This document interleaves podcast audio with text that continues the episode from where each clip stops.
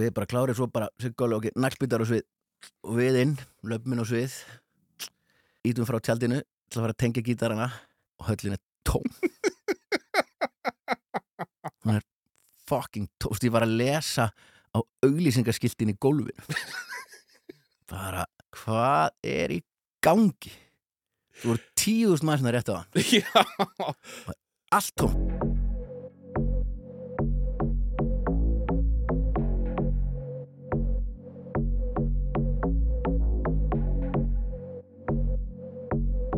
Komið í sæl, ég heiti Þórður Helgi og þetta er Greenland Pop.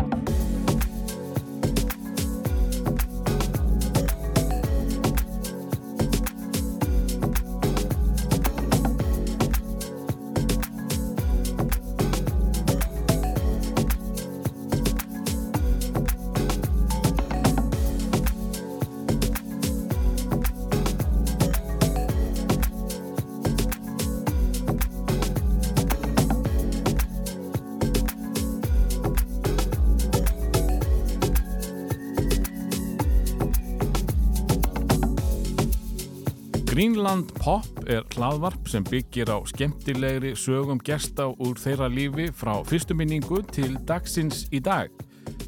Þetta er nákvæmlega sama uppskrift og í eldri Greenlandum nema í þetta skiptið eru það popparar sem að segja sögurnar.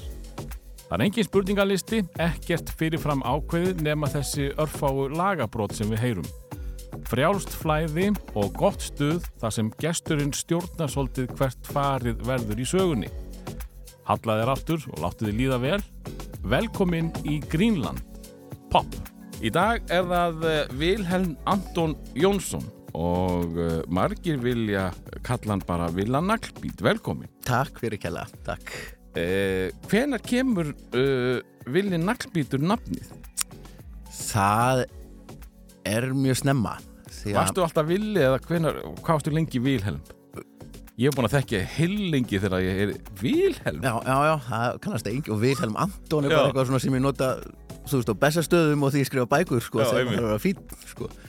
uh, Þetta er- naglbítar byrja hvað ég ætlaði að vera búin að leggja þetta ártal á minnið þannig að við byrjum vel, Ný, við erum í grunnskóla séðan bara, við erum í gagganum á Akureyri verða það Naglbítar til í gagganum? Já, já, já, já, bara hérna Þetta er barnapop. Já, heldur betur Hét, hét er endar fyrst sko Gleðitríuð ásar Varstu það Villi Ási? Nei, Villi Gleði? villi gleði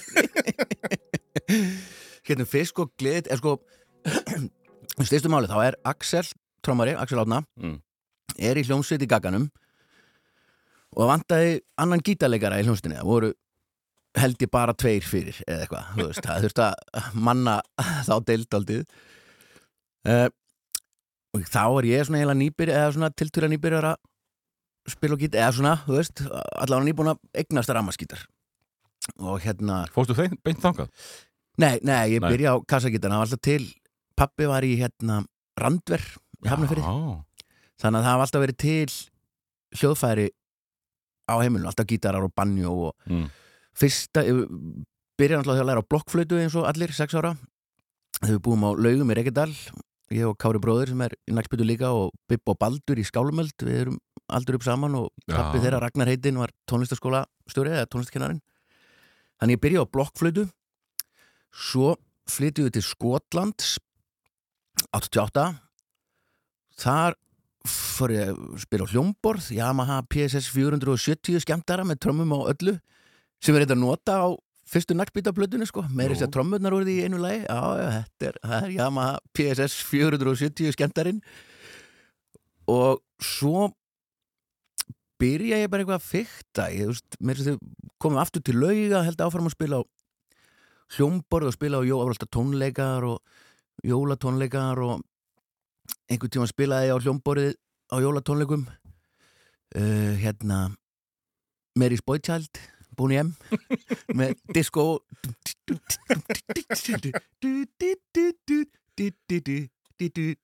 dút, dút eitthvað. Það er svona já, fyrstu svona rafpop tónleikarnir mínir, það var ég 11 ára eh, eitthvað. Þannig að þú byrjar í syndapoppinu?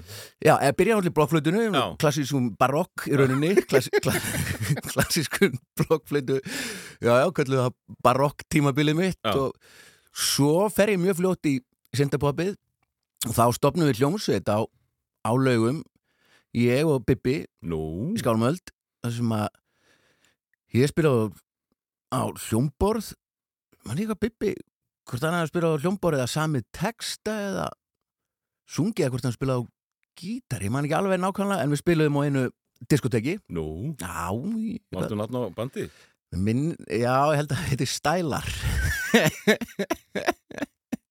Þetta er nú sögulegt, Bibbi og Villi í stælum já, já, og við höfum spilað saman sko hérna ég og Kári, naglbytum og Bibb og Baldur Skálmöld, við sömdum lag saman sem heitir Titrandi tónar fyrir fjórar blokkflutur. Já, sem við spilaðum á tónleikum og lögum og gerðum svo reyndar setna hér líka ekkert fyrir allt og mörgum árum á einni hérna herrafattarsýningu Kormáks og Skjaldar. Það var, kom þessi barokk kvartett upp og spilaði þetta lag. Eh, svo, já, svo kemur Sinterpoppið og spila á hljómbor og mann einmitt eftir einhvern jólatónleikum og var svo feimin eftir að hafa spilað þetta Mary's Boy Child að ég hvarf eftir tónleikana eins og alveg listamenn, synda, listamenn rafpops tónlistafólk gerir. Og fannst svo setna því að inn á kennarastofu var verið að unga út hænueggjum eða svona kjúklingaeggjum. Mm. Og þar lá ég svona fyrir framann hitakassan hjá hænum kjúklingunum. Kjöla í mínus. Þú fórst, þú fórst alla leið í, Já. í syndahetjuna rauk af sviðinu og þurfti ykkur að róta fyrir mig og eitthvað þannig að, já, já. En- en, já, svo flytjum við til Akureyrar. Að, fyrst, að þú spurður um hérna naglbýta nafnið og þá e, erum við í gagganum og við erum tveir villar í bekknum og, byrjar á, í áttunda bekk í gagganum.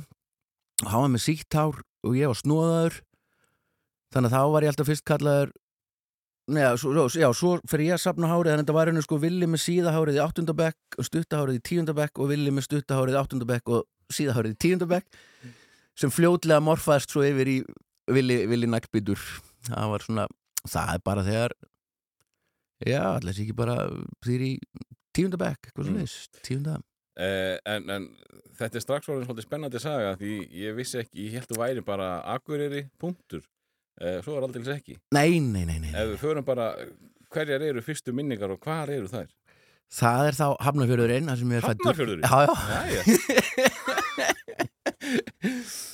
Sko, ég fættur í, eða fættur í mamma og pabbi byggu í Hafnafjörði þegar, þegar við fæðumst bræðurnir mm.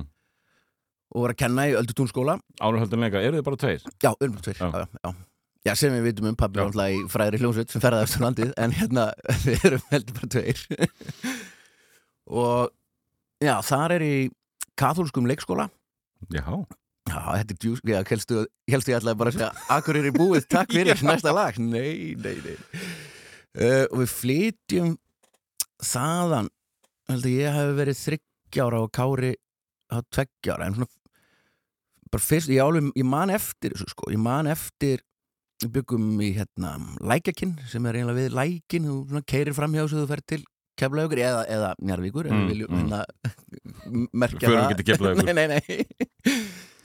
Og þar fekk ég einhvern tíma stríga sko og fór beint út úr bílnum onni læk inn í strígaskónum uh, ég man líka eftir þar fekk ég fyrst eftir kartöflu í skóin þar er þetta ekki svona dramatískur Jú, listaþáttur og jú, ekki að tala um stóru áföllin? Það er mjög gott að mun eftir því sko. Já það er maður fær kartöflu þreikjara það fuck Það það er það er manstu ástæðana fyrir? sárt. Nei, Nei. en mér skilst svona á þeim sem voru í kring, já, kringum fóröldarum mína að það hafi ekkit endilega verið nein ein svona svona pínur svo í handbóltunum eitthvað upp, uppsafnað og Mm. svo færðu bláa kortið og situr hjá í þrjársóknir eða eitthvað sko, það var hérna nei, bara almennt svona, almennt og, þægur og já, ég man eftir og ég man meira sem líka eftir að hafa verið á á Kato sko, kathólska leikskólanum sem er alltaf magna, það voru svona stóri sandkassar og svona handgröfurnar, æ, þú veist sem er svo maður fyktar ennþá í þessu, ef maður fyrir ról og það er engin Nei, það er bara engin leið að taka ekki í þessu Það er svo geggja þetta virki. Það, það voru ykkur að þrjár fjóra svoleiðis gröfur hana sem, sem ég man eftir. Svo flytjum við uh, norður Nánu hvert, í lauga, á lauga. Og af hverju? Hver, uh, Já, mamma og pappi eru kennarar og pappi eru skólastjóri já, á Littlulega í laugum Reykjadal. Ekki, ekki Sælingsdal, Reykjadal sem er þá á leiðin upp í við hugsaðum það þannig. Já, erum skólastjóri þar og mamma kennari og þar búið og, og frábært til bara sveit og þú fer bara út og kemur svo inn, þú ert svangur. Mm. það er cirka bát svona, hvernig það virkar. Já, þar og pappi skólastjóri og á svakalegt tónlistarlífa þarna og, og er ennþá reyndar sko og það var alltaf Ragnar pappi, Ragnar heitinn, pappi Bibbo Baldurs var hérna skólastjóri það var rosa tónlistarlífa en engin leið að sleppa sp- spila ekki hljóðfæri Nei, Já, ok. þetta er bara, já, þetta er, voru allir að spila á hljóðfæri og í íþrótum og leikrut, eða þú veist, það var bara svakalega holdt og gott sko. Hvað er þetta, hvað er þetta mannmargur skóli? Úff, ég veit ekki Svona sirka, hvað er í dag, sko, það við vorum það er bara 50, 50 manns það var ekki meira Nei, nei, þú veist, það voru held ég, við höfum verið 6 eða 7 í mínum bekk þú veist, það voru þrýr í bekknum fyrir ofan mm. áttaði fyrir neðan, eða þú veist, við erum þar einhvern veginn, sko svo hægt og rólega ertu með hana með einhverja tíu bekki og reynir að búa til já, all, allan tekjast það á tölu en það er ekki, ekki býð þryggjast það á tölu Mm. svona. og já, bara, þú veist, æðislega tvær kennslustúr, við höllum einhvern veginn kent bara saman og mamma og kennari minn og fyrsti kennari sem rekum út tíma. Það var mamma. Og rak mig til skólastjórans sef og pabbi sef rak mig heim. Svo beði ég þar var engin Nei, það var enginn, svo komu þau og þurfti að gefa mér að borða og hjálpa mér að lesa og þá svona lítur maður á vald aðeins öðruvísi. Þegar Já. maður sér að þeir sem að geta rekið í burtu þurfa samt að koma heim og eiginlega skeina þér Þjónustöðu já, þá er maður svona býtunum við ok, þetta er, þetta er allt saman fólk sko og já, þar þú veist, vorum bara í frjálsum og fótbolta og blokkflötu stífu, stífu Programmi blokkflutunámi, já. Já. Kári var alltaf talsveit betri, hann fekk allt flötu sem eru svona stærri og dýpri flötur en, en sóbran sem er þessi venjulega sem við þekkjum Mm. úr helstu slögur um dagur dagurtónlistarinnar og, og Bibb og Baldur voru líka mjög mjög, mjög góðir sko Þeir eru á hrefum aldru og þeir Já, við Bibb erum bara jagamlir bara saman í bekk og Baldur- Baldur, er að, hann var náttúrulega alltaf þúsund árum yngri en við sko Já. en ég held að hann sé bara Kári bróður einu ári yngri og Gotti Baldur er ekki þú veist, einu ári yngri en hann eða eitthvað, eða þú veist, kannski kannski tveimur, þreimur en þú veist, þegar þú ert þegar þú ert sjö ára er það rosalega munur sko. Nei, sveim, hann getur ekki hafa fengið að spila með okkur maður. hann, aðja, ég, ég þarf að, að fara yfir þetta eitthvað, þetta er eitthvað. Smá móða hana Já, já, já, ég meina, þetta eru skrítin ár. Barok, barokk tíminn hjá mér. Tómur regli Ég getandi hjörtu og lifur og nýru og súrt slátur í öll mál. Já, Já, þar eru við bara í bara geggjum fíling og ég veit ekkert að hverju mamma og pappi fluttu svona bara þegar ég hugsa það bara örgulega breyta til, fara Mm. úr stórborgin í, í sveitina en, en hvað, sko Hver er ástæðan fyrir þessu skóla? Uh, er þetta vandræðaskóli? eða- Nei, nei, nei, nei, nei, nei, nei, þetta er náttúrulega bara það er sveitarna sko, þetta er alveg heljarinnar, hann reyndar Þetta er samt einhvers konar heimavist, eða ekki? Já, það er framhaldsskólinn já. já, já, Það er framhaldsskólinn á laugum og hann er alveg, hann er hundgamall sko. Hann er búin að vera í, veist, meira að segja elsta inni sundlög landsins Er er það? þar, sko. Eldri en í Östubæðaskóla sko. Æ, nú verður getur betur árin en aðeins að ég, held, já, ég ætla að segja að þetta sé elsta inni sundlög landsins, punktur. Og hérna já, og er alveg, heljarinnar heljarinnar sveit, sko, skólabíl skilu er að keira alla skólan, ég held nú reyndar þessi búið að eh, sameina litlulega skóla, hafralækja skóla núna, Mm. það sem ídalir eru það sem að bölunni kema þess inn á það kannski setna í ferlinum. Endilega, það er ein, endilega. ein, ein góð þar. En þarna, sko Það náttúrulega hlýtur að vera gífulega fínt að vera með uh, nánast jafnaldra sem bróður sérstaklega á, á litlum stað. Já, ég held við höfum verið mjög mjög góðið saman sko. Mm. þú veist, eitthvað einhver svona, ég man einhvern tíðan þú veist, einhver, eitthvað kýtingur skilur ég man einhvern tíðan hendi hann þá vorum við já, af og ömm á Dalvík og vorum eitthvað út að leika okkur og það var eitthvað svona kúst skaftarna sem að ég notaði fyrir spjót og kastaði og vart í nakkan á honum. Og hann var gata á hausinu og eitthvað blóð en þá við nýbúinir að fá svona Goodyear trukkara húfur, svona derhúfur eða skiknishúfur eins og við köllum þetta fyrir norðan en skulum Mm. hafa þetta derhúfur svona, hann er al allsjóð skilji. Og svona svampur framann í, veist, undir merkinu. Og man ég sagði við Kára bara, ok, snúðinni við settu svampin yfir, hári, nei, yfir sárið. Og svo herti ég bara rosalega hann að blætti ekkit niður. Svo settist við upp í gamla sabin og vorum að keira frá Dalvik til auga og Kári var eitthvað skrítin og mamma eitthvað að snúa sig við og spjalla við hann og það var hann svona nett fölur eitthvað. Og svo bara að fara að leka niður alveg þú veist það var bara svampur norinn fullur af blóði og laka eitthvað niður og þá var eitthvað eitthvað vesen. En annars voru við og ég svo manni jú líka reyndar þegar við byggum í Skotlandi það var svona hár barstóll svona kollur með svona þverbitum neðst fyrir lappirnar Mm. og ég fattaði að ef ég held honum niður og setti kollin ón á hausin á honum þá úst, fór þverbitin ekki í hálsin en var samt það neðal að hann kom hausnum ekki undan. Þannig að hann var fastur. Einhvern tíma sat ég ón á þessum kolli og hann segir ég hafi verið að lemja með belti í hausin sem ég sem er mjög skorstrendar á þessum tíma og bara viðegandi en það var eitthvað eitthvað vesinn úr því. En annars fyrir utan þetta tvent þá þá eru bestu þá erum við bestur já, þá við mjög góðir. Náði hann aldrei að hefna sín þegar hann var stærri? Hann er stærri en þú eða ekki? Jú, hann er, er það sko. Já.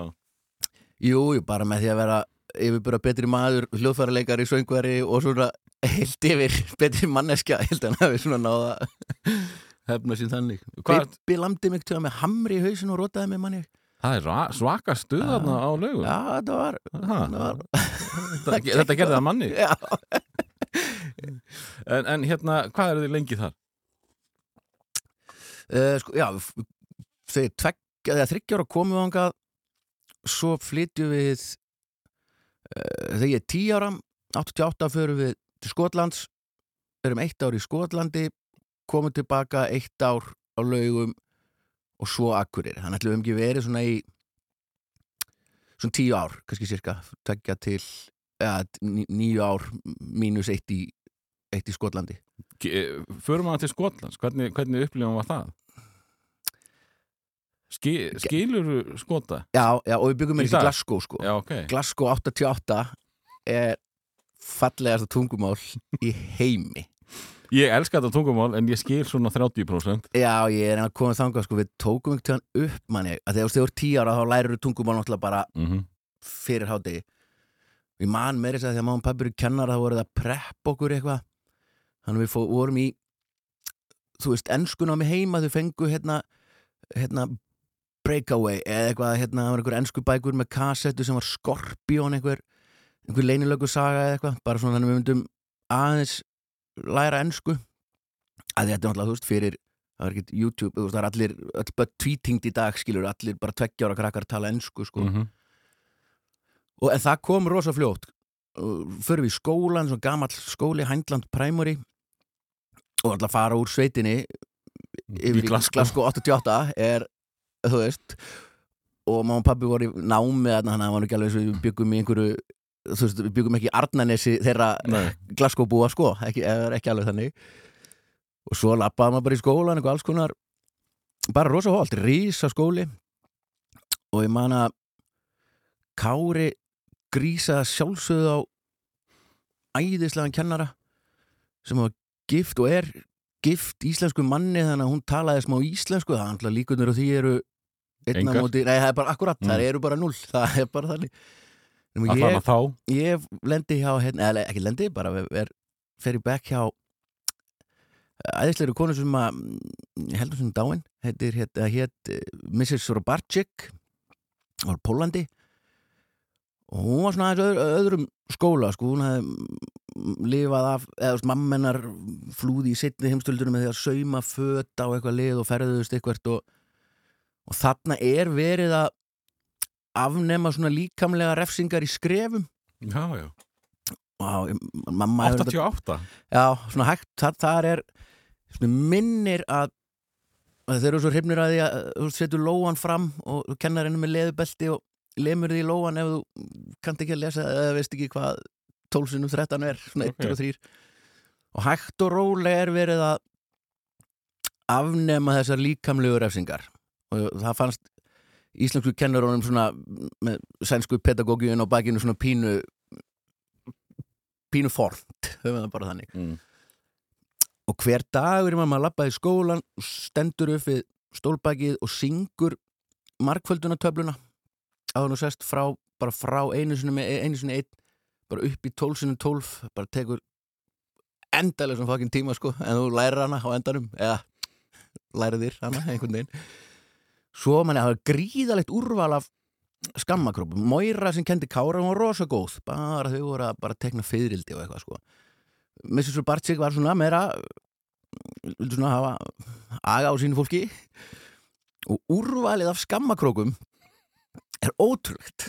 Og þetta er eitthvað mögulegt fyrir að skrifa ykkur að kennslu bók um þetta, þú veist, skammakrókabók vísindavilla gæti alveg verið eitthvað hérna fyrir kennarina sko að það varst pínlítið óþægur þá ertu að standa upp. Og stóðstu við stólinn svo allir gætu hortað og hýjað, já, þetta snýst aldrei, þetta er ennþá svona gapastokks Mhm. hugmyndir hjá þeim hérna í Skotlandi. Uh, svo var Anna aðeins svona harðari refsingar og stendur upp fyrir aftan stólinin það er eitthvað greinilega svona það vart að standa í lengri tíma. Uh, svo var að koma og standa upp við kennaraborðið. Á, hefur svona á það er, þú veist það eru komin dóldi dýbra í glæpin uh, standa upp og snúa að töflunni. Og stendur upp og snýr baki í hérna bekkin svo var annað því að töflan var á svona hjólum svona, þú veist, hún gætt fært hann eitthvað til svona og rúlaði þessu eitthvað. Eitt var að fara fyrir aftan töfluna. Svo var eitt að fara fram á gang. Og svo síðasta var þá það var til skólastjórnans og þá Það var ekki þú, kem, nei, þú, þú kemur ekki inn í stofu aftur sko, þá, þá pakkar hún í tösku ferð og hitti skólastjóran og býður bara þar og einhver þarf að sækja þig eitthvað, hvernig sem það er sko, þannig að þau voru mjög mjög góð í hérna já, í refsingum. Ég, man ekki hvort það hefur verið neitt sérstakt kvartningakerfi þarna, ég held mér ekki, ég held að það ekki verið að vinna með það sko, það er ekkert, ekkert verið að rósa eitthvað. Nei. Svo hann var æði fótbolta Glasgow með Hindland Primary og spila á lögðarsmótnum alltaf. Vellirnur eru bara malarvellir. Markið er bara stálrammi, ekkert net boltið var bara svona eins og körfubolti lítill þú veist, það var bara plast, ekkert, ekkert leður Já, ok. hann voru á stuttbuxum í fimpulkulda og möl og ég man þetta að foreldra byrja alltaf á því að lappa yfir völlin til að reynsa burt glerbrót og spröðunálar All right. Það er að Glasgow er daldið svona, eða ég alveg, ég elska, elska þessu borg og alveg snoppa fyrir þessu.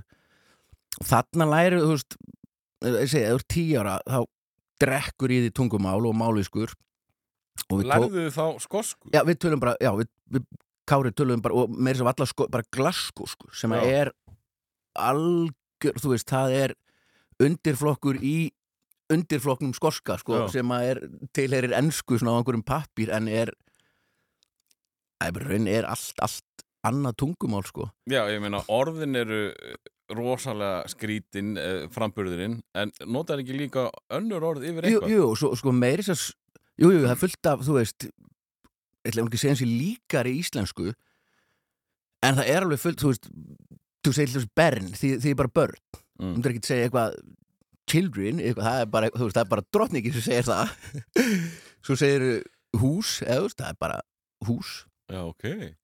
Og svo er þetta allt skilur við, þú veist, litli, þú segir ekki eitthvað smól eða lit, little, það er bara þú segir bara we, sem að því er bara lítill. Og jú, ég örgulega fullt af einhverju og ég man sko setna, þegar ég fer í Emma og þetta var pínu erfitt að koma heim og fara að læra ensku þú veist, verandi allt talandi á ensku en samt skorsku að því að fannst fullt að kennurum myndi að vera rosalega stælar. Já, í þér, eða ykkur? Já, í, þú veist, að, að vera að tala þú veist, að segja óvart æ í staðin fyrir já, Yes, en það já. er bara því að þú veist við lærðum það bara. Og ég man, ég einhvern tíðan var ég skammaði fyrir þetta og kannski annað í leðinni en þú veist, fyrir eitthvað svona þannig að hvar, og veist, ég veit það ekki veist, ég, ég talaði ekki með skoskum reym í dag, sko gæti alveg ef ég myndi setja með einhverja stellingar en þú veist, Fast að leita því í dag. Já, Já. að því að þetta var einhvern veginn sko að ég veit það ekki, þú veist, þetta fannst einhverjum þetta smart og maður, svo vildi maður ekkert vera í tíma eitthvað þú veist, allt talandi á skosku maður vildi bara vera eins og hinni krakkarnir, svona í rauninni. Já, allavega í þessu. Og en, já, við eigum upptökur einhver staðar, þær eru til og við höfum aðeins verið að leita að þessu að því við tökum, fáum vídeo sendt frá laugum í Reykjadal um vetur, hávetur sem hann tekið upp og hérna og við lesum yfir það úti og erum að, að sína í skólanum í Glasgow bara þú veist hérna búum við, svona er þetta hann er verið að skutla krökkum í skólan á snjósleða og eitthvað, og hérna er grjónagrautur í matinn eitthvað svona og það er geggjað að heyra tvo tíu ára gutta tala eins og fucking taggart sko. það er bara rosalegt sko. Sýtt hvað ég væri til í að heyra það maður. já, ég skal, hérna, ef ég finn þetta þú er fyrsti maður sem við, hérna, þegar uh, kem með þetta, þetta er örugglega til á Vaff og S einhverstaðar og fá okkur bara popp og, og hor- horfum við á þetta kíkjum á þetta Eh, Þið eruð þannig í ár og eh, þá aftur á, á laugar í ár Já. og uh, sko, þá varstu náttúrulega að verða úlningur er það ekki? Jú, allir sé ekki 11 ára eitthvað Já, þegar við komum tilbaka. Og þá var hljómborið komið sko. Mm. ég man hvort ég ég hef verið fengið það í ammæli skjöf úti. Að það er svo dýrt að kaupa sér hljómborið í Ísland eða að hljóta að hafa keft þetta í einhverju tónlistarbúðin í Glasgow. Já, 11 11 að vera 12 kannski. Mm. eru við á laugum og svo flytjum við til Akureyrar. Eh, en, en sko tónlistin er greinilega mjög snemma uh, mjög áberandi í þínu lífi. Uh, pappi tónlistamæður og nóg til á einhverjum hljóðfærum. Hvað hérna, hvena ferðu að, að sko hugsa um að þú sért að gera þetta fyrir þig eh, en ekki með pappa eins og blokkflötu eða hvað það er? Já, já. Man eftir því að eftir að ég fekk það oft í gítarnum hans pappa eða þú mátti ekki gera það en ég opnaði bara töskuna. Og, og svona rendi þannig, að allir byrja að spila gítar svona. Mm. trendrin, þú veist. Þú getur alltaf spilað byrjun á Hard Day's Night sem ég áttaði mig ekki þá og svo Konur Ilma. Já, Það- er allavega þessi tvö lög sem allir geta byrjað eða halda á gítar. Svo var ég bara eitthvað svona fykt í strengjónum fannst þetta svo magna svo er það á þegar ég meðan að liggur honi í kassa já, já, ég þóra ekki að taka hann upp maður. Það var alveg úst, setna notaði ég þetta á hérna eldirsónun minn sko. Þegar maður alltaf láta hann læra okkur hljóðfæra og hann vildi ekki þá bannaði ég honum að snerta gítarana mín og effektana og það er það er úst, búið að vera inn í herbyggina svona í þrjú ára og hann er alveg fullu að spila og semja gítarna á mig hjá þránni í skálmöld einmitt, þannig að það tengja þanga þannig að trekkið er að banna krökkum eitthvað ef þú vilt að já gera ok. það, það er mjög einfalt. Og hérna, svo man ég á Akureyri þá var ég inn í herbyggingtöðan og þú veist, bara ég ákvaða bara, er, ok, nú þú veist, mér langar að spila á gítar. Og það er örgulega bara hann, cirka 12 12 uh, það, það er fyrir fermingu sko. Já, og þá bara sótti ég gítarinn og úst, byrjaði bara reyna að búa eitthvað til ég úst, sló eitthvað að háa ég strengin dón, dón, dón, gerði eitthvað svona bara ok, þetta geti verið lag veist, kunni ekki, eh, kunni ekki á þetta. Og bara já, einhvern veginn, fyktaði mig. Fórstu bara beint í að semja Já, tónlist? ég hef vinna gert það, ég er svo lélugur tónlistamæður að hérna ég harmóni eitthvað einu sinni útskrifast úr háskólanum. Og ég les ekki nótur en ég fór sem langaði svona að kunna náttúrulega einhverja valsa og einhverja tangóa. Þannig ég samdi það bara ég er hérna blöffaði mig þannig í gegnum það bara að, hérna, að búa þetta til. Og ég er, ég er skelvilegur partí Já, það, alveg- taktu bubba? Nei, nei, ég kann The Gambler með Kenny Rogers. Ok. Bara, það er that's about it sko. Uh, við skulum hérna fara að færa okkur yfir til Akureyrar en uh, ef við ekki að uh, kveðja uh, litla vila með svona barnæskulegi Jú. Það er Það er til rosa mikið af plötum og svona spólutæki gamalt svona tape deck sem að, já nú en þá og ég mani hlustaði mikið á rosalega mikið á Superstar alveg og, og, Jésús Kristur? Já. já, ég er algjör söngleikja Já, það? já, það ég, Ekki Ég við dottið á því. grenji yfir vesalingun til dæmis Já, ok. því ég fór að sá þjóð ég sap, reyndi að sapna þeim út um allan heim og farið að sjá þetta og ég, já, ég alveg ég, ég, svona dramatík, ég elska bara dramatíkina sko ég fullt af blöðum Woodstock mjög mikið og hann maður hafði minnir þessu þrjár blöður og svo flókið að finna Jimi Hendrix, ég myndi aldrei alltaf, vissi ekki hvaða héti eða neitt henni þurfti alltaf að grísa einhvern veginn á eitthvað og leita að því.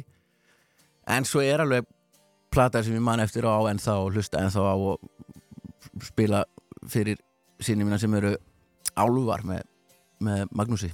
Já, það er og úst, lagið eru álvar kannski menn er bara absolutt ef ég hugsa um eitthvað eitthvað svona æsku lag sem algjörlega já, ég held ég að hlusta á þetta endalust sko, svona man eitthvað það kemur gítarsóló í laginu þá og ég veist alltaf að hafa hald, útskýrt það fyrir fólki að þetta veru álvarnir að gráta. Það er geggjað sko. Magnús Þór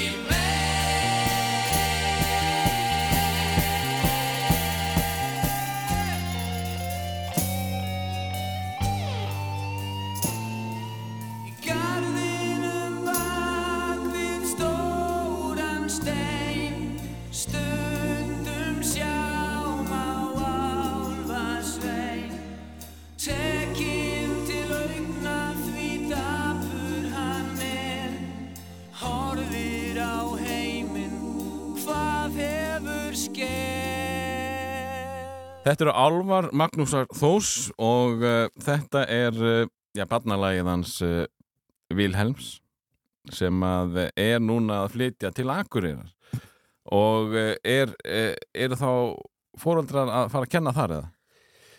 Já, mamma er að fara að kenna og pappi er að fara að vinna á fræðslu skrifstofunni, hann sko þau, fyrir aðeins aftur lauga þá eru pappi uh, Þórir Jón Sjólasverði og Pétur Þorstensson á Kópaskeri.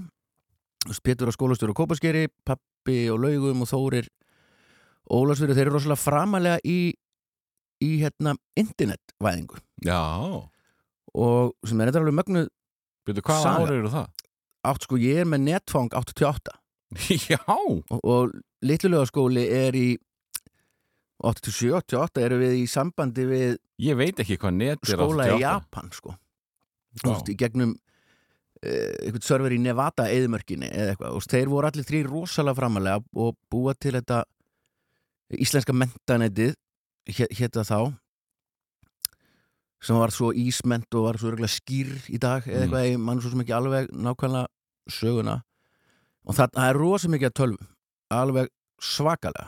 Og þú veist, við erum með Sinclair Spectrum með fyrst, svo voru við BBC, BBC Acorn og, og, og svo Archimedes. Það voru svona, og meiri sér því ég fyrir í mentaskóla þá er ég að þú veist, snerta PC-tölvu í fyrst skipti, ég var búin að vera í Archimedes allan tíma sem miklu einfaldar og betri tölva sko, það er aðal sko. Það Já, er- ok.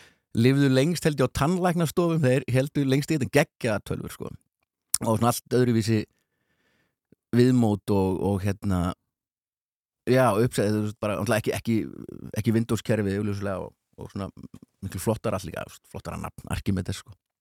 og hérna þannig já, pappi fer kannski fór hann að vinna í þess veist, íslenska mentanetur en, en svo á fræðslu skrifstofunni sem var svona eitthvað eitthva kennara batteri og, og mamma fer að fer að kenna og við bræðunni förum í lundaskóla Mm.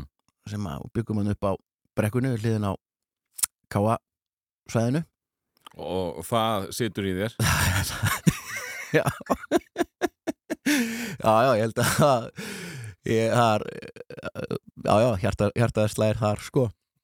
Og hérna já, þá förum við í lundaskóla sem var fínt, löpum bara í skólan það var bara tilturlega saklaust held ég, mann svo sem ekkert eftir að hafa gert neitt, jú, jú, ægi Já, ég man, nei, ég man alveg rétt, það var alltaf magna Kári alveg rétt. Snýst meir um hann akkurat núna. Að því að mamma byrjar að kenna í barnaskóla og svo heldur hún að kennir hún upp í lundaskóla. Uh, og eða hvernig ég, allavega er Kári einhvern tíðan hérna, rekin úr tíma. Saumum eða eitthvað, mjög skytið Hann er, hann er góður strákur hann er, já, hann er minna í? Já, í þessu. í glæbunum já, já, minna í þessu brasi. Og hérna og segir einhver kennari með mig aðja þú veist hann var aldeilis hann sonur þinn. Og hún bara, já, hvað var það núna? Og eitthvað. Og þú veist, kemur einhver fyrirlestur og svo verða allir á kennarastónu svo hissa þegar reiknuðu allir með því að, að það var ég og fannst svo sem ekkert eitthvað svona var ekkert stór mál, eða þú veist, það var eitthvað fréttir beint. En svo var það Kári, hann var reikin úr saumum þar. Ég ég man ekkert sérstaklega eftir að hafa verið mikið til vandræða þar sko. Skjáðum svo góðan kennara. Ég var reikin úr kórnum fyrir að reyna að taka í nefið. Það var það var klúður. Klúður kannski að fara í kórin líka. Stuður eitthvað 12-13 ára strákur í kóri er það er riski sko. Það er að Það er eitthvað að breytast. Það er eitthvað, já, þú ert ekki þú ert, þú hefði geta gert þetta það er fullt árum til að Mhm. gera þetta og átt fullt árum, en akkurat þarna ertu ekki þú veist ekki að negla, negla háu tónun endilega. Og já, þar voru við bara, þú veist að æfa handbólta og Þarna kemur, þarna kemur handbóltin inni það ekki? Jú, þarna Þú varst ekki búin að vera mikið í því í Skotlandi nei, nei, þeir, nei, þeir, Þeir eru ekki merkilegir í handbólta þeir Vissi ekki hvað það var? Nei, ekki þarna maður, þú veist, 88, eða, þú veist, það var enda daldi ekki ekki, því að þarna er náttúrulega síkumólanir þú veist, alveg reisastórir og Íslendingar að fara í verslunarferði til Glasgow. Já. og það vissu allir um leiðu sér Ísland það var bara sugar cubes það þekktu allir Ísland út af því. Og svo var bara meiri sér að ja, ég heyrði nú bara af þessu að Íslendingar fóru svo mikið þú veist, kom út með alveg fimm tómar ferðartöskur og fóru í C&A eða Slaters eða hvað þetta er að, að kaupa föt, þú veist, það var komið eitthvað skilti upp í einhverju C&A búð sem er svona fatta eða stórt magasín. Sem var bara eitthvað svona Íslendingar velkomnir bara á Já, ok. íslensku bara, En, en hérna, kýtlaði það ekki aðeins uh, ættjarðar ástina þessi, þessi sigrans uh, sigumóla því þetta Jú. var ekki þekkt í þá daga að Íslendinga væri að gera nokkuð skapað hlut elendis Nei, heldur betur ekki. Og hérna, en reyndar sko að ég var kannski og, veist, ég var ekki, hlustaði ekki mikið á sigumóluna hérna tíu ára og var bara að hlusta á eitthvað skrið, þú veist, ég veit ekki hvað ég var að hlusta á henni Gigi Bobo. Eða mölli krú, eitthvað Já, svoleiðis eitthvað, ok. eitthvað svona eitthvað glam, eitthvað, eða hvað það var. Og hérna svo, jú það var allavega þetta var, krakkarnir vissi ekkert skilur, það er bara, þú veist, búið í Þannig að þú varst ekki að græða en einn stig. Nei, Nei. ekki í skólanum. Nei, Nei, ok. nei, það var Nei, nei, ég var ekki í því. Ég bara enga megin En við skulum fara aftur í, í handbóltana því hann situr eftir og uh, veit ég nú uh, vel bara á eigin skinni að þú ert mikill handbólta áhuga maður og ert úrlega að láta mig vita af öllum mönnum í heiminum hvers vegna veit ég ekki nákvæmlega. En, en uh, sko ég var að reyna að finna uh, einhvers konar uh, hljóðklippu frá einhverju sem þú gerðir um daginn nei, um daginn á sínum tíma. Og þar sá ég eitthvað viðtal við þig og þú varst landslýsmaður í handbólta já, já, já. Úlinga, ég spilaði tvo landsleiki sko. Nú, nú. Já, ég var úlingalandsliðin í Já, í landsliði bara. Ég, Já, spi, já. ég hef spilað fyrir Ísland bara og hérna Já, já, ég ég var alveg fítni í þessu sko. Mér fannst þetta mjög gaman. Hva, Hver var þín staða? af línumæðurinn sko. Já, Já, já, og Kári bróður líka báðir, báðir línumenn sko. Það- báði línumenn Já, já, já, já það er, og vorum svo saman Þið hafið ekkert á móti sagt. á móti? Káfinu? Ég, hef- ég hef spilað á nei, línu sko. þetta, Já, þetta er bara íþrótt veist, þetta á ekki að vera gott. Ef þetta er gott þá bara ertu ekki að leggja þig fram. Já, það ég er mjög einfalt. Og hérna, já, við spilum bára línu eitt ára á millokkar, hann að við hittumst þú veist, annarkvært Annað hvort, ár vorum við saman í, í flokki. Og þá vorum við, já manni við spilum stundum fjóri tveir í sókninni. Og stundum ég og stundum hann ég man ekki, hann var alltaf slasaður eitthvað, ég man ekki, hann var alltaf eitthvað með sig. Og hérna, æ, ég líka reyndar hann var alltaf, þetta er kannski ekki holdt svona þegar maður hugsa um það Línan Nei, lína geta Ah, verið sko. Alltaf upp úr slís og eitthvað að brasa Svo spiliðum við saman í miðri vörninni þegar við vorum saman í liði sko Já. sem að var já, bara meira á þetta sko uh, Káa liðið var bærilegasta liðið á, á landsvísu, það ekki? Sko, jú, þetta er náttúrulega geggjaður er það? tími þarna er, þú veist, allir gísla að koma Mm.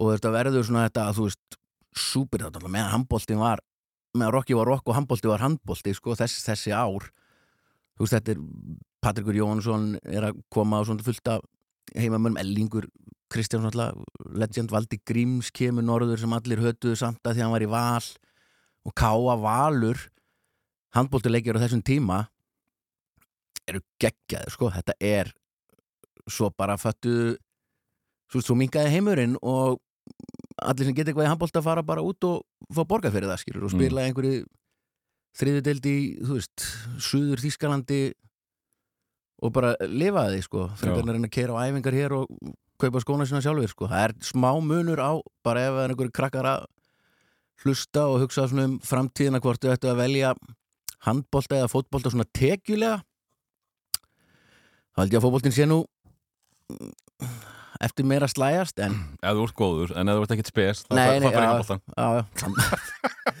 en þetta er bara skemmtileg skemmtileg íþrótt og þarna já, við æfðum og æfðum alveg á fullu og veist, ég, ég fór í landslið og vorum alveg við erum fyrstu Íslandsmeistarar K.A. í handbolta Nú, erum þetta held sem meiri þess að held sér að 20 eða 20, takk eða 25 ári, ég man ekki alveg hvernig það var það er eitthvað ammali ár sko mm. sem, sem K.A. vann fyrsta Íslandsmeistara titilin sinni í handbolta og það voru þegar ég var í fjóraflokki Já, ég kallið minn. En, en, en verandi Íslandsmeistari, landslísmaður uh, þú hvað, verður rockinu að bráð? Já, þetta var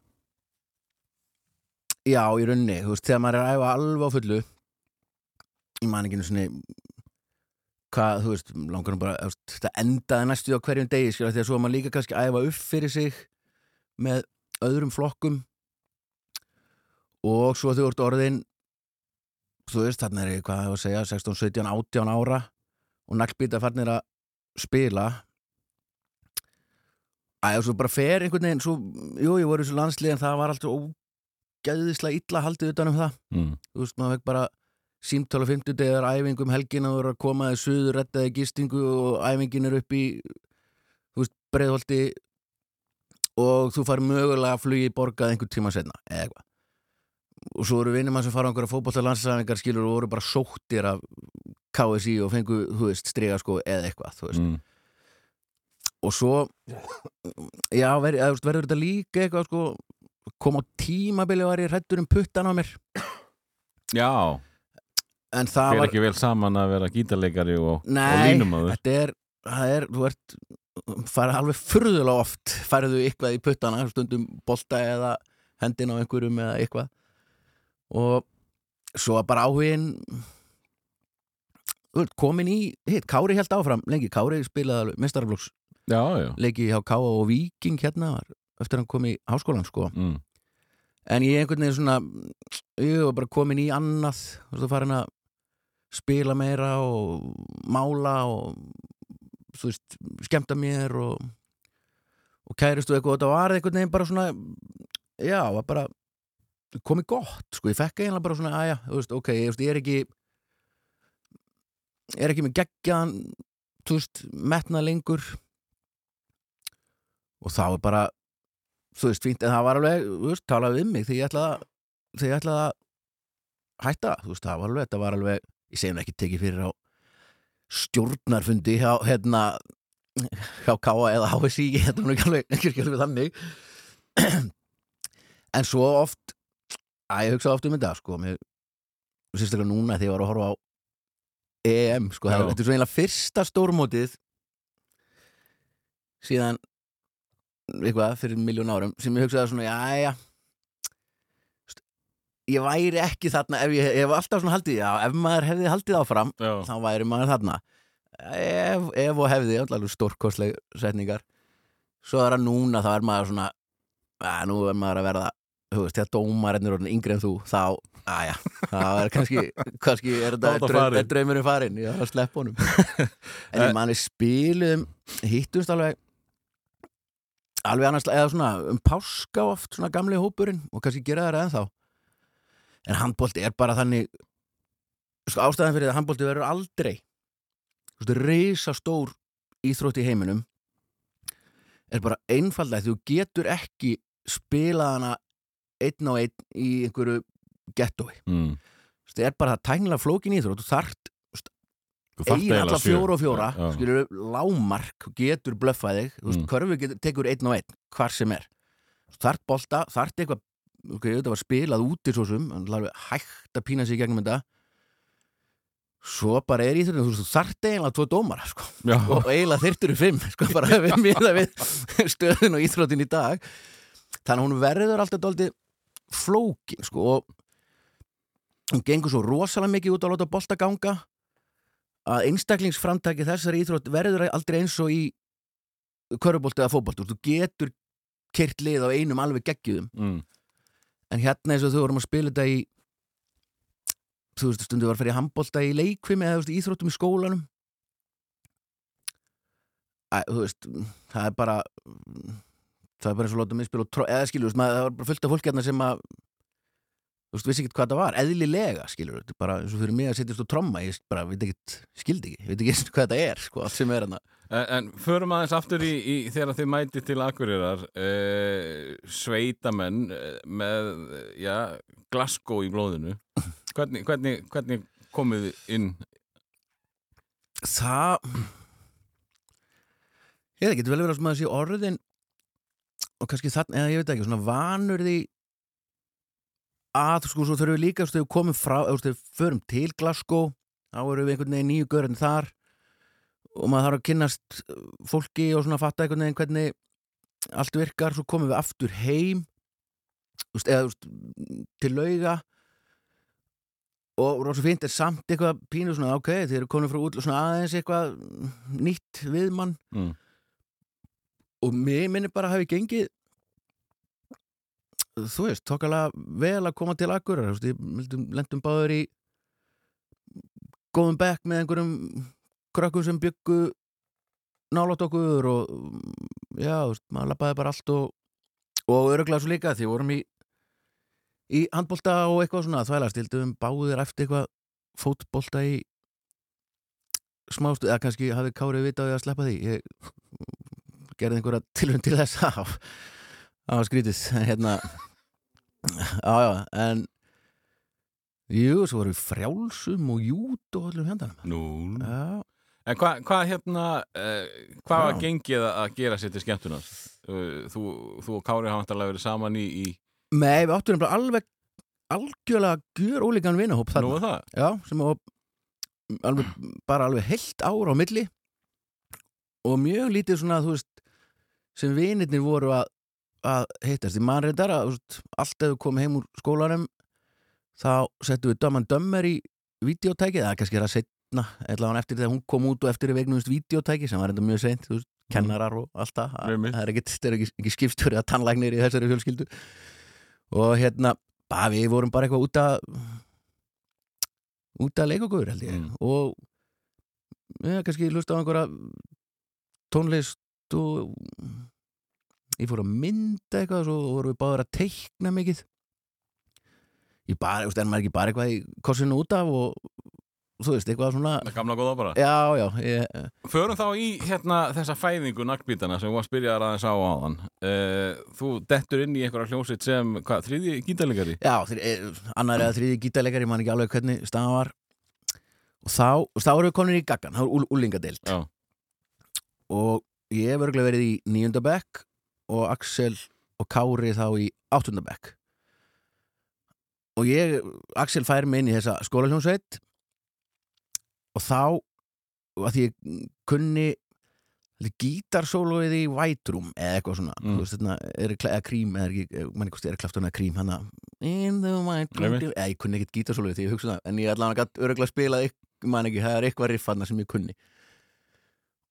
Og þá fara einhvern veginn bara þegar ég kem inn í þessa hljónsveit þá hætta allir í henni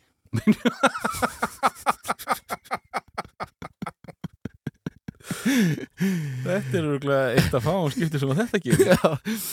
þannig að ég, Axel kemur, kemur með í bandið og bara allir hætta nema hann og við erum tveir eftir í, og, þú veist, og þetta er fyrir White Stripes þannig að við kvartlaði ekki ákvara að vera hægt að vera tveir í hljómsveit það gengur ekkert. Og þá fáum við Kára bara þegar Kára og Axel voru saman í bekk og saman í handbolta og svona eru jafn, jafn gamlir. Þannig að man ekki, ég held sveimir þá hann hafi ekki verið byrjaður að spila bassa þegar Það var hann á gítar? Nei, nei, nei, Var hann bara ekkert í tónlist? bara, allt flutuna bara, geggjar og flutuna flötu, já, ok. Já. þú veist, gætin, eða þú veist, hvort ég hef bara sagt einhvern við pappa og eitthvað og Kári bara, þú veist, að Kári þarf að spila bassa, það vantar bassaleikara í hljómsveitina. Og þú veist, hvort að ég held sveimir hann hafi ekki verið byrjaður og þá bara mm, fór hann að læra á bassa. Mm. og það bara byrjaði að spila á spila á bassa í hljómsveitina. Og þannig verða verða naglbítar til og byrjaðum, sko, ég maður reyndum Alltaf bara þrýr Já, alltaf þrýr Tókum þátt í einhverju uh, hljómsveitakeppni í í Glerárskóla sem er Akureyri, hinum megin við Glerá ég veit ekki hvað ég á að fara djúft í bæjaríin hérna en hann hinum megin í bænum hinum megin við, við ána. Og þar spiluðu við kom together með bítlunum vittlust eða þú veist, það var riffið við náðum við ekki. Ég meina, hann er nýbyrjar á bassa já, ég- með dálítið, þetta er pínu Gefðu bratt, gefðu mannunum breyk maður. Uh, og hérna Lóa Lóa, Já. Megas örglega ekki alveg rétt, en svona þú veist iss bara einhvern veginn. Mhm. og svo frumsamin blues. Já, það hefur verið það hefur kvalið. En svo vinnu við þessa hljónstakefni sko, sem er merkilegt. Eða, eða þú veist, við vorum flott, flott band, við vorum alveg veist, allir metnað og gerum þetta vel. En byrjum svo bara strax þarna á að semja lög. Mm. spiluðum í gagganum, við spiluðum kannski einhverjum böllum. Eða svona gagga, þú veist, diskotekum eitthvað í, í hálftíma eða eitthvað og reyndu kannski að spila einhver lög, einhver coverlög eftir aðra? Og svo gerum það svona annars slægið alveg þú veist, nokkur ára upp mentaskóla nefnir bara ég á bara svo erfitt með að læra eitthvað þú veist, bara hreinlega geta ekki. Bara læra lög eftir aðra og texta, tala um ekki það að það einhvern veginn þú marst þín, þína samt? Nei, ekki, sko, grínlaust það er, þú veist það eru textar en ég bara er með, ég er, það er sumt sem að mann, sumt ekki. Mm. og svo eru naglbytta text og því er oft hugsað um tónleiku bara svona, alltaf er hana langir og finnst gaman að segja með texta, þú veist, miklar sögur og skipta mig í alvöru máli. Stundum hugsa svona bara, ekkur Akkur er, akkur er þessi texti þrjár blaðsíður? Akkur var þetta ekki bara Kotti party, hei, hei, hei Bara eitthvað, segjum svo Vei, vei, vei. Mm. Og þú veist, ég man það En eitthvað, veist, ég man svo lítill fugl Eitt, eitt af minnum upp á alls Naglbyttalögum ég, ég er með það textan á gólfinu fyrir fram mig. Já, það? Ennþá, já, það er dæmis ekta eitthvað lag sem varði einhver veist, fullt af erindum og þú veist, lítil endurtekni eða fullt af löngum erindum. Og ég er ekki góður í í því sem ég geri. Það sé ekki bara sem maður fyrir að reglan. Mér finnst það bara svo gaman. Þetta er, þetta er góð lína. Þetta er mjög góð lína. En, en eh, þa þannig að uh, þú fær þessa snildar hugmynd að gera bara meira sjálfur uh, svo þú þurfum ekki að fara að pikka upp eitthvað erfitt eftir aðra. Já, og þú ert svona aðal laga höfundir er það ekki? Jú, jú, jú.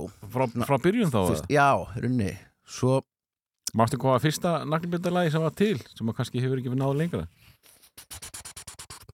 Já, sko, það er við sömdum alveg rosalega mikið og það er til þú veist, einhver staðar á á einhverjum Vaff og S-bólum að við tókum oft upp demo-æfingar mm. þetta er eitthvað sem ég er daldið að reyna að vinna í þessu dagana. Og þú veist, fórum eftir í vegna svakalega videótækið þannig S-tækið, já svakalega heitir bara videótæki en, en þú veist, á Já, fjastýring og allt að því þá fórum við oft með þá æfingar og stiltum bara upp tveim þreim mikrofónum Já, það er ekki mynd. Nei, nei, og notum ok. það bara fyrir teip sko. Og tókum bara upp hljóð á það. Og það er alveg til eitthvað svoleiðis gamalt en uh, uh, fyrsta nei, maður, það var náttúrulega vorum í alls konar æfingu og svona þegar maður að brasa, ég náttúrulega það hef ekki vissi hrikalegi frumsamdi blues þannig ætli það verið ekki að flokkast fyrsta fyrsta nærbyttalæð en svo sömdu alveg haug og gáum út kassettu mjög snemma sem Askur Yggdrasils. Hljómsveitin Ax Já, já, hljómsveitin Já. hét, já, fyrst hétt hún Gleðitrífið Ásar, Já, svo hétt hún Askur Yggdrasils. Og það, hún er alveg til, sko. Það er nú gleðið hún geta komið með hana, sko. Já Sko. Lísa Páls spilaði Ask Yggdrasils í útvarpinu bara 92 Áttu þetta heima? Já, já, þetta með þessi á vínil, ég fekk þetta í Já, þú ert ekki di- digital, ég get Nei. ekki laumað þessi núna. Nei, ég get nú Nei, nefnilega ekki. Það er bara að vera að hafa það. Já, já, það er fólk Það er engin Já, Þetta er bara sögulegt, sko. Já, algjörlega Ég get nú Býtu nú við Askur Yggdrasils er til hér. Uh, England fellur. Þór. Já, það er eitthvað önnur hljómsveit sem að hétt svo Askur Yggdrasils Já, já, já 2011 Allt í lagi. Það fær það ekki lengra. Nei. En uh, jú, þið gefið út þessa spólu og uh, gerir hún eitthvað að lukku? Já, hún, við seljum hana í, í gagganum. Þá tökum við þetta upp sko í Dinheimum félagsmiðstöðinni á svona fjórarása kastutæki uh, og keiftu svo fullt af það er með flott sko, það er alveg cover og textablöð og alls konar pólitík þar sko, ég maður setti inn svona að það aftur við vorum svona maður í tölvunum sko setjum við svona kassettu svona, þú veist litla mynd, klippart mynd sem myndi að byggla, heita eitthvað emoji í dag en Mm. svona klippart mynd, svona kassetta og ör og önnur kassetta jamt og kross og svona tónlistamenn undir af svona ólöguleg fjölföldun til hefur tónlistamenn þetta er mikið mikið verk og þarna er, þetta er á ennsku og svakalega pólitísk lög sko Mm. svona Hvaða pólitík voru að vinna með þarna? þarna voru við mjög reyðir sko. Já. þetta er, þú veist, ég man eitt aðallægið hétti Rio de Janeiro og fjallaði um morð á götubönnum í Rio sem var gert á sín tíma það var að taka til í borginni það voru svona götubönnum bara drepin Já, og svona sér sveitir sem fóru í það verkefni og þið eru hvað gamlir þarna? uh, hann eru við já, allir við séum ekki í níund og tíunda bekk eitthvað svo leys, Já, ok. frekar en áttund og níunda við erum svona eitthvað þar Böllandi pólitík? Já, alveg reyður, rejection of reality er fyrsta leið, þetta var umhverfisvend mikið og Mm. bara svona þú veist, holt og gott, skilur þú veist, veit maður að er þessu, það er hún ekkert fyndið við þetta? Uh, Eitt lagið var smá ádeila á, á, á bandaríkin svona heimsólda stefnu bandaríkjana sem heit hérna Only 52 Stars in the Sky. Að ég held ég rugglaðist bara og held að það veru 52 stjörnur í bandaríska fánan en það eru bara 50 mér fannst það eðlilega að veru 52 eins og vikurnar og allt bara sem er 52 svo varði ég það einhvern tíman þegar einhver var að stríða mig bara eitthvað. Ein er sólin og ein er eitthvað bara, bara skal við kenna það núna ég hann að klúður ég hef þetta fakt checka þetta. Uh, já við spilum þetta mjög mikið og seldum kassetuna í í skólanum sko. Mm. og hérna þá reyndar hafði ég gert stuttstopp í í hljónsveit sem hétt Mannætu nunnurnar. Nei, LBA hétt hljónsveitin, vorum þrýr eh, hérna, hvorur hérna hljófarleikari og þetta Mannætu nunnurnar, hann var kasta sem að við seldum líka, hann var mikið punk. Þá lásum við til dæmis gengi eh, dagsins sem að við tókum upp bara bandaríkja dólar 32 krónur eitthvað. Þetta er rosa list. Já, þetta er mikið list, Ha? þetta er gríðalegt og hérna það, það var mjög, mjög avantgard og, og flott, svo verða naglbítandi til þarna og við Af hverju skiptuðu nafn? á, á, já, naglbítum, nei, á hvernig Já, þið, nei, nei, nei, fyrst var, hitt var Kára og Benneki þá voru, já, en Askur var, var já, já, Askur Yktra sko, gleðitrið ásæri fyrst. Já, allt, allt, alltaf sami alltaf sami, já, já, Já. bara alltaf að þælast með nöfn. Og þau eru alveg haugur aðeim, sko. Gleðitrið ásar var að fyrst. Þannig spiluðu eitthvað og svo að ég fatt að fólki geta átt að vera asnægt mm. fólki fannst þetta bara asnælegt þetta er svona eins og stuðmenn. Já, þú veist, ef þú hugsaður um nafni núna segir við bara stuðmenn og hugsaum ekki um það en ef, ef það var einhver að byrja hljónsveit í dag sem að myndi skýra stuðhópurinn. Mér finnst að þessu stuðmenn geggja nafn það, það, er, það, það, það er orðið það. Af því að hljónsveit þú veist, Já. er, það þú veist, þetta er skelfilegt nafn en þeir eru bara, og þau eru bara ekkert skelfilegt, þannig að þau eru eiginlega búin að laga laga þetta skelfilega nafn sem, sem það er sko og hérna já fyrst eru við gliðið trjú ásár og það að þið voru alltaf pínu svona uppreist sko Já, full mikið pólitík fyrir gleði tríu já, já, Já. neða og líka þú veist, fannst töff að vera með asnalegt nafn á svona sko punk eða rock hljómsveit sko, Mm. það var eitthvað allir og við ofhugsuðum þetta eins og svo oft. Svo breytum við yfir í Askur Yggdrasil sem er úr hérna goðafræðinni í lífsins, lífsins tré. Og gerum þessa kassetu. Svo fer að styttast í músiktilrunir en, en sko, þið eru orðnið nafn. Þið eru búin að selja varning frá ykkur sem Askur. Já, já, já. Af hverju skiptið þið út það er góð spurning. Af því, af því set, næsta nafn er ekkert mikið þjalla, sko. Nei, nei, nei, nei, nei, veist, við erum ekki að vinna með sálin, sólin eða eitthvað, eitthvað Eða sem byrjar búm S. nei, eitthvað. nei, nei, nei, nei, nei. Uh, ég man ekki, við minna þetta tengist eitthvað sko. Þetta er lagsnesið það ekki eitthvað? Nei, það, það er 200.000 naglbítar Já, já, já, já, já. Sko við mm, Askur Yggdrasils kannski fannst okkur bara of hefið eitthvað, svo við förum í músík eða skráum okkur í músíktilunir og þá ætlum við að heita alias Bob bara því einhverju flippi ákveðu að hljónstin héti bara alias Bob B.O.B. maður hann lítur af einhver rosaleg saga sem ég er búin að gleyma mm. þar og sendum það inn í músitrjónir en fáum nei, þið megið ekki nota þetta nafn af því á þessum tíma voru hérna Bong og Bubbleflies að túra og þau hétu stundum Bob. Já, þannig að við fáum bara frá átna matti eða þú veist hver sem að sáum þetta bara því verðið að finna annað nafn. Og þá kemur aftur Pétur Þorsteinsson á Kópaskeri sem ég talaði um á hann sem að var í internet bara svona með pappa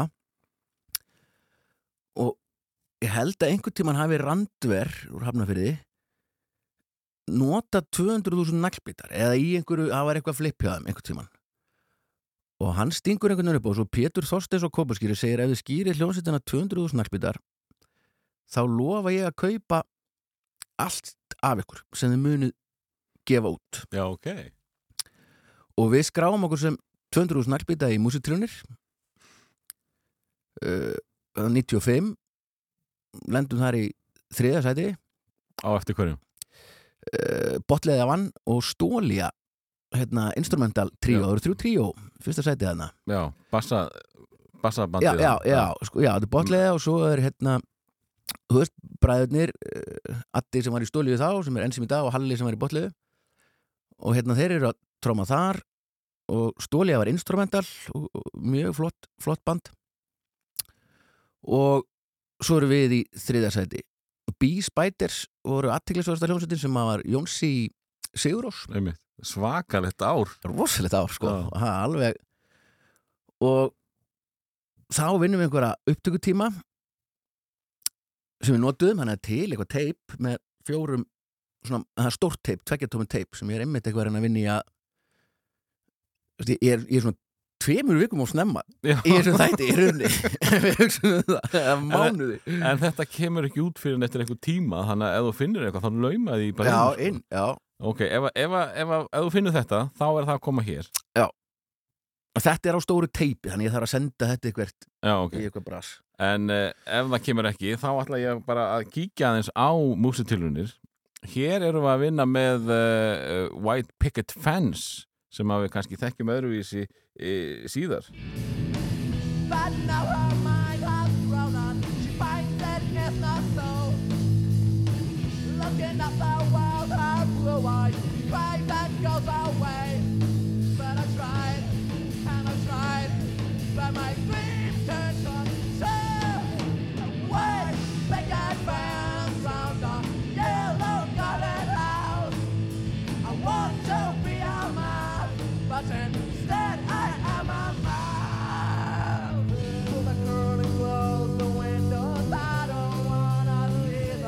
Er þetta ekki besti söngvari ásins? Jú, þetta Þessi var valinn besti söngvar í músitiluruna 95 það er eins og hann sé í, bara í mútum hann.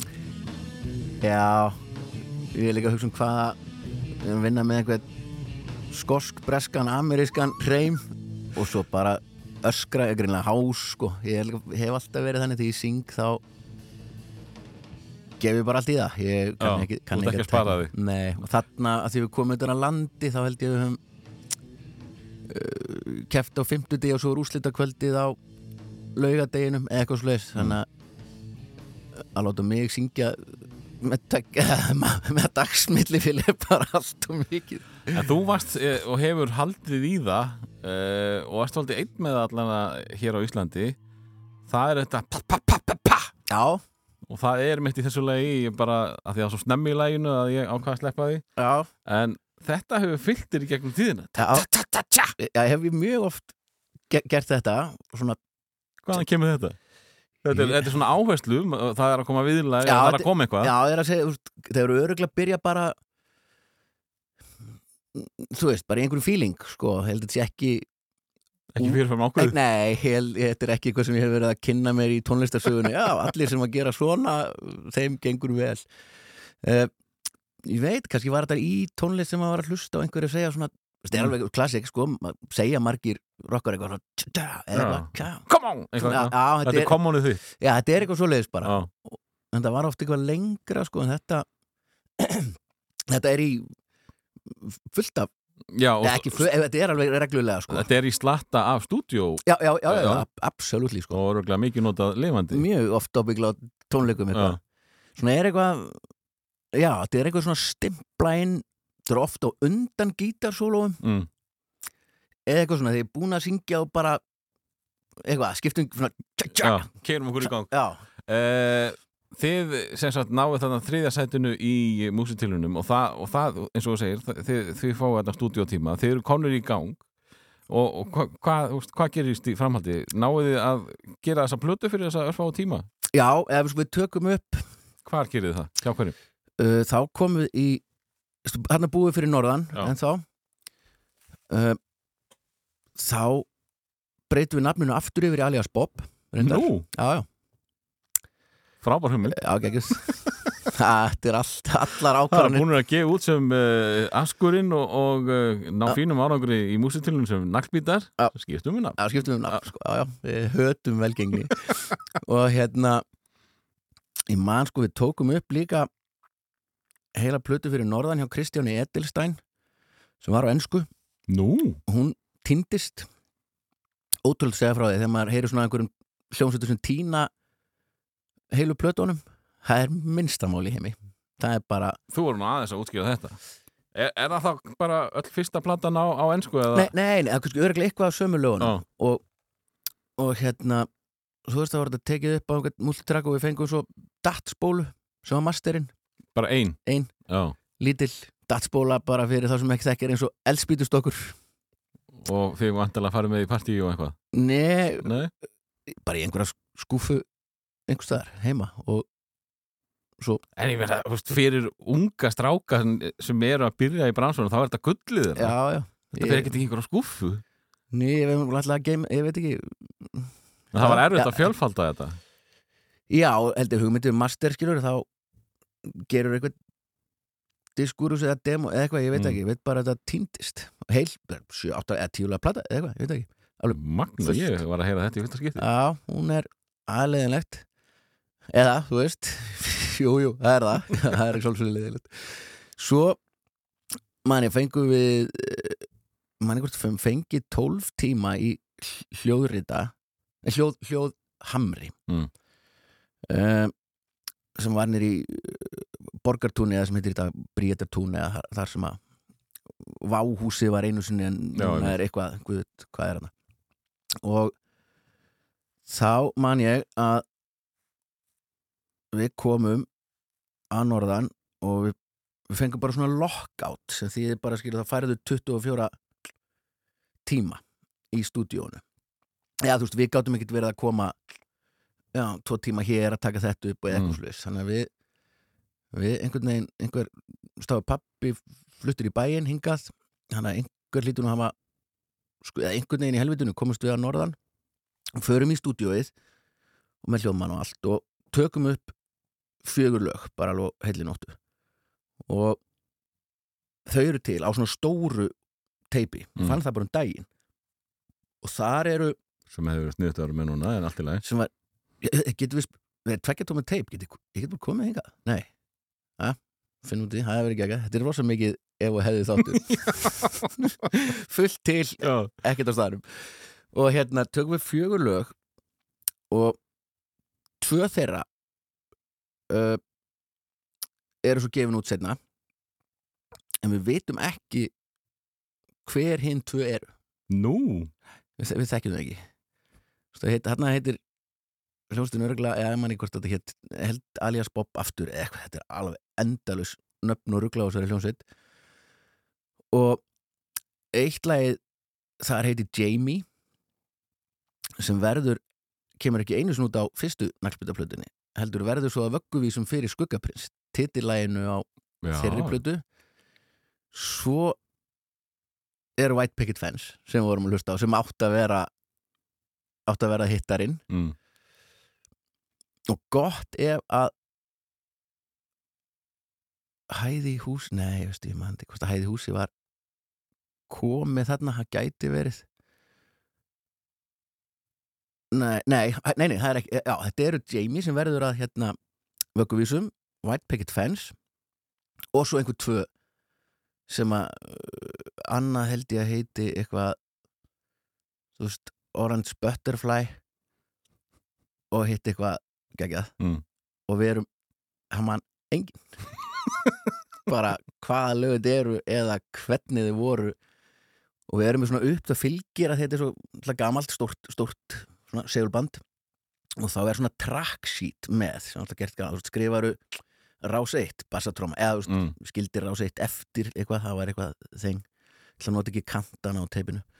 Og þú veist bassatróman er á rás 2, snerillin á 3 gítarinn hérna og eitthvað dag, dag, dag.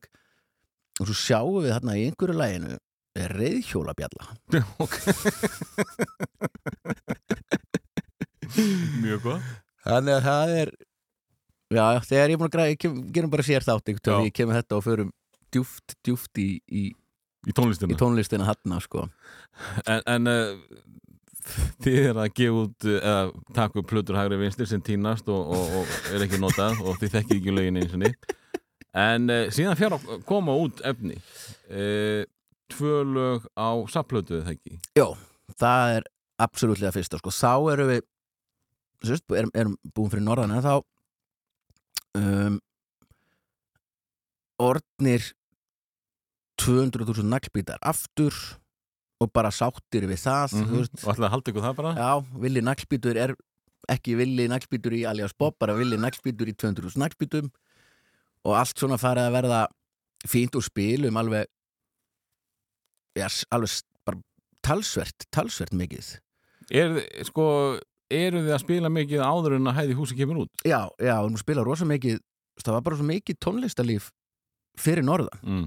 þú vorum að spila í deglunum í listagilunum var alltaf eitthvað um að vera spilandi á alls konar alls konar tónleikum og takandi upp alls, veist, það er til fullt af einhverju al, alveg biluðu og geggiðu stöfið sko. Mm.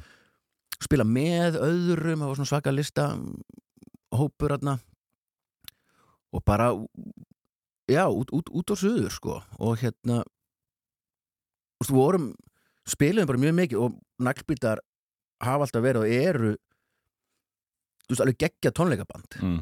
þú veist, þetta er eiginlega við erum langt bestir þar, sko, að það erum allir þú veist, eða, Kára og Benny og svo Axel og sín tíma þú veist, er alveg geggjaði hljóðfæraleikar og ég þú veit alveg hvað ég er að gera því ég er að spila mín lög Já. það er bara að ég er að gera eitthvað annað sem að allt fer í, í kleinu og okkur finnst og hefur alltaf fundist ótrúlega gaman að spila á tónleikum Mm.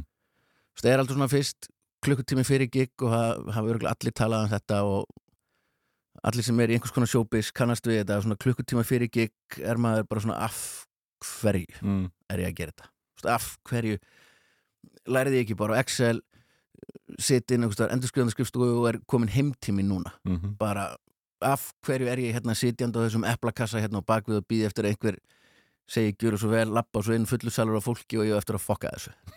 Það hafa allir hugsað þetta.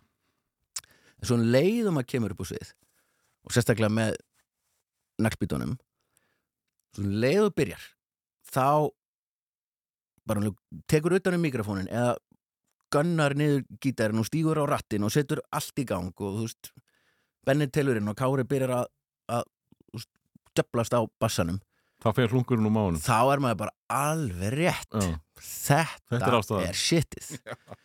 Og hérna þannig að naglbítar er að spila mjög mjög mikið.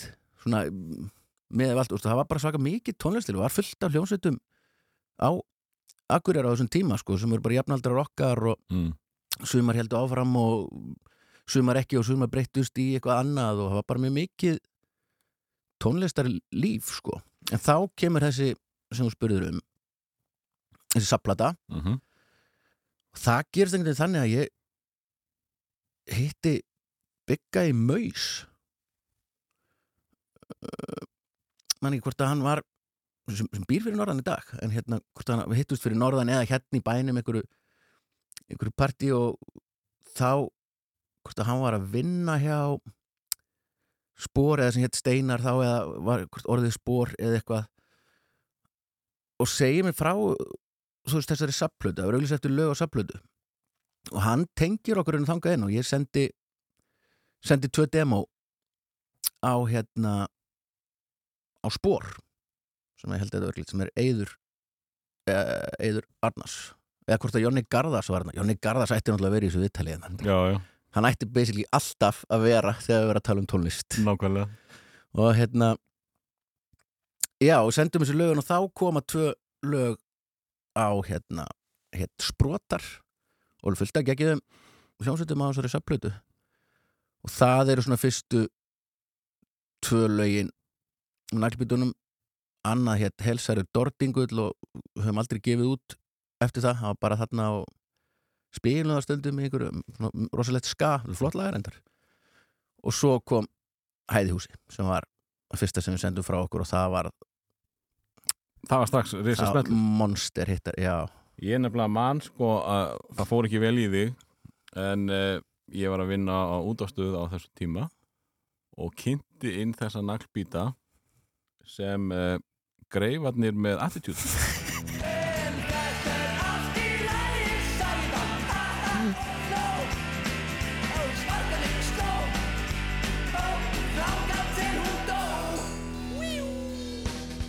Það var að vísu vegna þess að- sagan var að þið væri frá Húsavík. Ha, Já, það, þið voru fyrstur á Húsavík eh, á exinu sko. Nei. 200 naglbíta frá Húsavík. Nei, Þóruður Helgi ég, Þetta er bara þannig. Öllum stöðum á landinu. En já, já, ok það var, já, já. Frá lögum í Reykjadal frekar. Já, já, ég meina þetta er bara það sem Já. ég, þessar upplýsingar sem ég fekk ég, ég meina fyrir ykkur á Exuna náttúrulega bara allt fyrir norðan Mosilsbæ Húsavík sko. Nákvæmlega. Það er bara, já, já. Og heimavöldu greifana, það var svolítið okkar. En, en hérna, sko ég er einn af þessum vittlisum mönnum sem að eh, sem að hlusta ekkert á texta. Og þessi gleði söngur er ekkert svo mikið gleði söngur nei, hann er það all- alls ekki nefnilega. Hvernig dettur í hug að gera svona hressandi skemmtilegt lag um þetta sem að þú ert að tala um í þessu hvað er sko, mér fannst það það er eitthvað sem mér finnst rosa heillandi við, við dimma, dimma texta og ég held líka að við tengjum, ég er rosa upptekinn af textum. Mm. Ég- mér finnst ef textar eru bara eitthvað einmitt hei hei hú hú þetta er allt í lagi hú hú saðan ha ha hú ló baby. Já, já, já, já. þá finnst mér það ekkert gegn en þarna er, þetta er mjög dimm saga og ég hef alltaf svona þegar að mála og tekna á þessum tíma, maður, er mjög hrifin af af myrkrinu.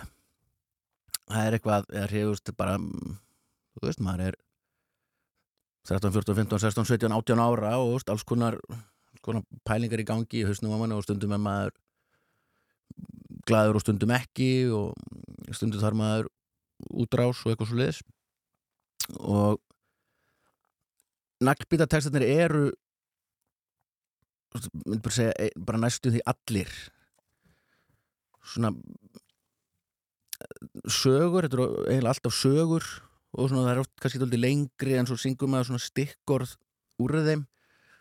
Og það skipt við bara svo miklu máli að vera að syngja um eitthvað Mm. veist, að ég sé að segja eitthvað veist, er, lítið í baby baby. Já, veist, ég er bara ekki betri leikari en það eða Mm. skilur, þetta, ég, ég var einhvern veginn að tengja, tengja við þetta. Og þe þetta er mjög hérna þú veist, þessi, þessi saga er mjög, mjög dimm he heimilisofbeldi. Og allt í lagi þangur til hún dó. Já, það er og prósaka því að veist, fólk bara fyrir að geðlif til að það líði betur og, og mjög gróf eða svona, þetta er mjög dimm, dimm saga en sögð á rosalega bara fallegan hátt eða veginn, bara svona gleði mm. og það er eitthvað alltaf við þessar tilfinningar sem mér finnst svo flott þegar þú ert að kontra þú ert að vinna með eitthvað gleðilegt og eitthvað sorglegt, þú ert að vinna með heitt og veist, og þá verður það verður skrítin tilfinning inn í manni eitthvað, veist, svaka stuðlag, veist, allir búin að syngja með Já, þetta er, veist, þetta er svona crowd favorite. Já, og já. þú, ti- þið takið þetta seinta á tónleikum og fólk syngur með úst, þessar línur uh, er væntalega ekki mikið að pæli hvað það er að syngja. Nei, en það er alltaf, ég, ég er að syngja þetta mm. stu- eða skilur, þetta er alveg hérna og það er það er að, að gegja við þetta einhvern veginn Já, þe- þetta, þetta er síðast, sko, við, við endum á þessu, það er, það er bara það hefur líka möguleikan á að halda áfram endalega Ja, sko. Gjörsamlega, Já. það er og löngu eftir að við erum fannir á sviði þá er fólk að syngja trombetlínuna sko. Og hérna og þetta hefur mjög mikið í í naglbytta textum. Er eitthvað svona það er eitthvað eitthvað, eitthvað myrkur sem að er sem að gera þetta líka já, svona sannara svona tímalust og og satt, mjög sjaldan sami texta sem er ég alveg reynd að gera er bara eitthvað svona ég reyna, ég samt að reyna að hugsa um eitthvað lag bara, það slítur samt að vera. En það er mjög þú veist það er alls konar í gangi hjá manni sjálfum að þessum tíma og fólki kringum mann og, og þú veist maður er næmur og móttækilegur og og ég hef bara alltaf viljað segja eitthvað ég hef, hef alltaf haft eitthvað að segja og ég er mjög hrifin að þessum svona, svona melankóli eða svona þessum sorglegu ástarsögum líka Mm. þú veist, það er eitthvað svona það er eitthvað myrkur sem hangir ég menn eins og mér bara vögguvísur fyrir skuggaprins bara titillin er give, give away það er eitthvað eitthvað aðeins ekki út á túni.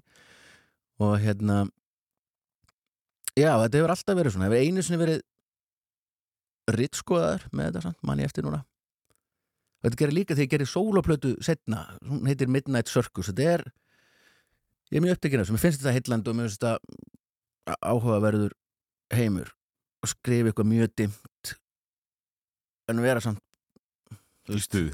Já, Já. vera samt ekkert svartur í einhverjum Marlene Mansson dressu og það svona þetta flækjur og það er þetta svona naglbyttar voru svo oft lendi því eins og þú mannst eftir, þú stundum hæði húsi var spilað á öllum útastöðum mm. bara rástuðu bylgjunu, X-inu og FM og þú veist, sérstaklega þá þegar þetta kemur út alveg stúmast, þá var þetta eitthvað svona X-ið var sér FM, það er kannski ennþá og þetta var eitthvað svona, Nei, það var miklu meira já, þá já sko. það var bara Ef þú hlustar á FM þá, Það bara- þá var X-ið ógeðslegt. keirður á X-ið og sást á einhver stöðar að labba. Og hérna, þetta lag fór til hans alveg bara í Þetta var ringin Nei, alveg absolutt og var örugglega bara eitt mest spila lagið á Rás 2, íslenska lagið þetta árið held ég mér þess að mm. og Exunni þá spila bara á bara fjóra tíma fresti eða eitthvað, þetta var bara, bara svakalega vinsælt lag og er líka bara geggja lag og svo lendum við mjög oft í því svona fólk veist ekki alveg að bara, já, eru þið Exið eða FM eða Mm. þú veist rástöða bylgjan og stundum voru við þú veist, enginn spila okkur að því, nei, þetta er meira Exið, nei, þetta er FM þú veist, nei, þetta verður að vera þarna ég held að rástöður reyndar hefur kannski verið svona uh, heima höfnin í gegnum þetta allt. Og, og sumt fór allstaðar og það, vo- úst, við vorum rosa lítið uppteknir af einhvern veginn þessari senu, eiginlega alveg bara drullu saman, bara flott lag og við ætlum ekki að þykjast að vera eitthvað eða annað þú veist, það er rock, skilur absolutely en okkur Mm. finnst þetta gaman. Ok, erum við þá erum við þá ekki að meina þetta, já, sjálfsögðu og, og svo náttúrulega erum við fyrir norðan, þannig við erum ekki inn í kreðsunni hér, skilur og, og hérna og þe þeirri senu. Þannig að naglbítar hafa rosa oft svona já, svona veit ekki nákvæmlega hvar, hvar þú veist botlið er mjög gott dæmi og, og ensim og maus sem er á Mm. sama tíma við, veist, það er bara klárlega exið, bara alveg punktur. Mm og svo einhver annar húst sveitaballaböndin þá kannski meira á, á FM eða ætlum að fara að draga þessa línu. Mhm. Ég, mér- fannst nefnilega svolítið uh, Múkisson platan brjóta þá veggi sem eftir voru. Já, hann fór á, út um alla veggi eða á alla stöðar og mér fannst svona uh, hrókin minka á öllum stöðum og uh, unnendum stöðana Já, mjög já, þegar fólk fattaði bara þetta er tónlist. Þetta er bara tónlist sko. Við við alltaf að vera með svona einhverja þú veist, línur, bara eins og stöðvar eru eða svona flestar með eitthvað svona en þú veist sirka að hverju þú gengur, en ég held að þetta sé það er fullt af lögum sem krossa Já, og, og þú þarft ekki að vera halvviti þó hlustar á FM sko. Nei, nei, nei, einmitt. En það var þannig sko. já, þetta var bara svo man ég einmitt líka við heldum við við erum tónlistavelunum einhvern tíman og hlustendavelunum X-ins og hlustendavelunum FM og það fór það, það pyrraði rosa mikið einhverja millistjórnendur sem vildu vera svaka flottir að vita ekki að við værum einhvern veginn bara tala við alla átrúlega saman, vildu bara að fólk heyrði lögin okkar og og fílaði þetta. En að já, því ég var að tala um texta og ritskoðun og svona dimmar sögur sem þetta er yfirleitt og man ég eftir því að textin við sem setna varð brjótum það sem brotnar mm. og þarna held ég öruglega ég sitt aldrei mikið að hlusta á Murder Ballads með Nick Cave sem er alltaf eina af mínum absolutt uppáhaldsplötum Mm. og þá fjallar þetta um langt lag líka, svaka langur texti fjallar þetta um morð á ungum dreng er brotist inn í inn í hús. Litli drengurinn er, er sofandi í rúmi á æðri hæðinni og foreldrarnir eru niðri að horfa á sjónvarpið. Og það brotist inn og hann er, hann er keplaður bundin fastur við rúmstokkin sem að Avans hafði skorið út handunum, þetta er svona fallegt handverk Detailar já, já, og þa þar er hann stungin til bana. Og morðingin fer svo sömuleið út og enginn verið var við neitt fyrir en morgunin eftir. Og þetta er einhver saga sem ég teknaði bara sem er náttúrulega alveg skelfileg. Viðlagi var eitthvað stinga hnífi lítinn strák, það er blóð út um allt. Og er þetta lag, þú veist svaka rocklag sko, pönglag með þessi og með tja-tja-tja-tja já, já, já, já, akkurat það er þetta og ég man við spiluðum þetta með þessum texta? Já, fyrst til við spilum þess að ég sem texta mjög seint. Við spilum lög oft og tónleikum löngu áður en að það eru komin textar sko. Já, það? Já, já, bara svona söng. Var með einhverja svona hugmynd um söguna og var svo bara að pröfa pröfa línun áfram. En við syngjum mikið tveir þannig að það þurfti alltaf að vera klárt sem við röddum báður bræðurnir en ég man við spiluðum þetta lag á einhverjum háskóladegi á Akureyri uh, og hann var búið að tæma einhverja sundlög og við erum ofan í sundlög fullt af fólki sem stendur allar hengin í kringum okkur þetta var eitthvað 17. júni eða eitthvað svona bjart og sól og allir glæðir í sparifötum og þá byrja ég að syngja þetta og ég man að Kári horfði á mig og ég fann svona ok, þetta gæti verið að hann séu við að nálgast eitthvað strik. Svo tökum við upp demóið fyrir neondýrin. Þar er þessi texti í brjótu sem brotnir er á þeirri plötu Mm. sem þetta lag blóð út um allt. Og það er í einaskiptið sem að einhver hefur reynt að ritskoða mig og einaskiptið sem ég hef hlustað á það því að ég man ekki hvort það var eigður eða einhver hjá útgáfi fyrirtækinu sagði, sendi bara herrið ok. Þú getum ekki gefið þetta út. Þetta er bara og, eða þú veist, ég veit ekki hvort þú hefur strækað, en ég veit að Kári og Axel voru alveg sammálaði og ég var sjálfur bara svona ok, þetta er þannig kannski þú veist, þetta er kannski of. Mm. Þessi upptaka er einhvers staðar til, ég veit ekkert hvar því að demóið er einhvers staðar. Og þá breytti ég því í pólitíska textan brjótu þessu brotnar sem er svona uppreisnar uppreisnar lag. Sem var hittari? Sem var líka, já, var líka hittari. Uh, er ekki viss með hitt? Nei, svo er það hitt nefnilega, það geti alveg Ha- ha- Já, allir, þú veist Það var ég veit ekki hvað marga stöðar hefur spilað það. Nei, Nei. það er En, en hérna, neandýrin kom út og uh, þá er þið bara orðnið svolítið svona sætu stelpunar í bekknum En Vilhelm Anton, hvert er svo úlingalægið? Úlingalagið Það er mörgt kom til greina allt fullt af, fullt af ást og sorg og Sem að braust kannski svolítið fram í, textu já, já, sem skilur sér svo í naglbýta Mm. textum sko og um langaði alltaf rosa mikið að flytja til New York og helst búið einhverju svona komuna jafnvel bara á götunni sko. Já, þú veist, vera með griflur og einhverju hardcore senu einhverju, þú veist, götubarna svona ekkert að tapa veist, all, alltaf vinna, enga að tapa attitude og svo gerist það að kollega mínir í Skidró senda frá sér 18 and life. Það er úlingalæð það er úlingalægið maður Heyrum hér Skidró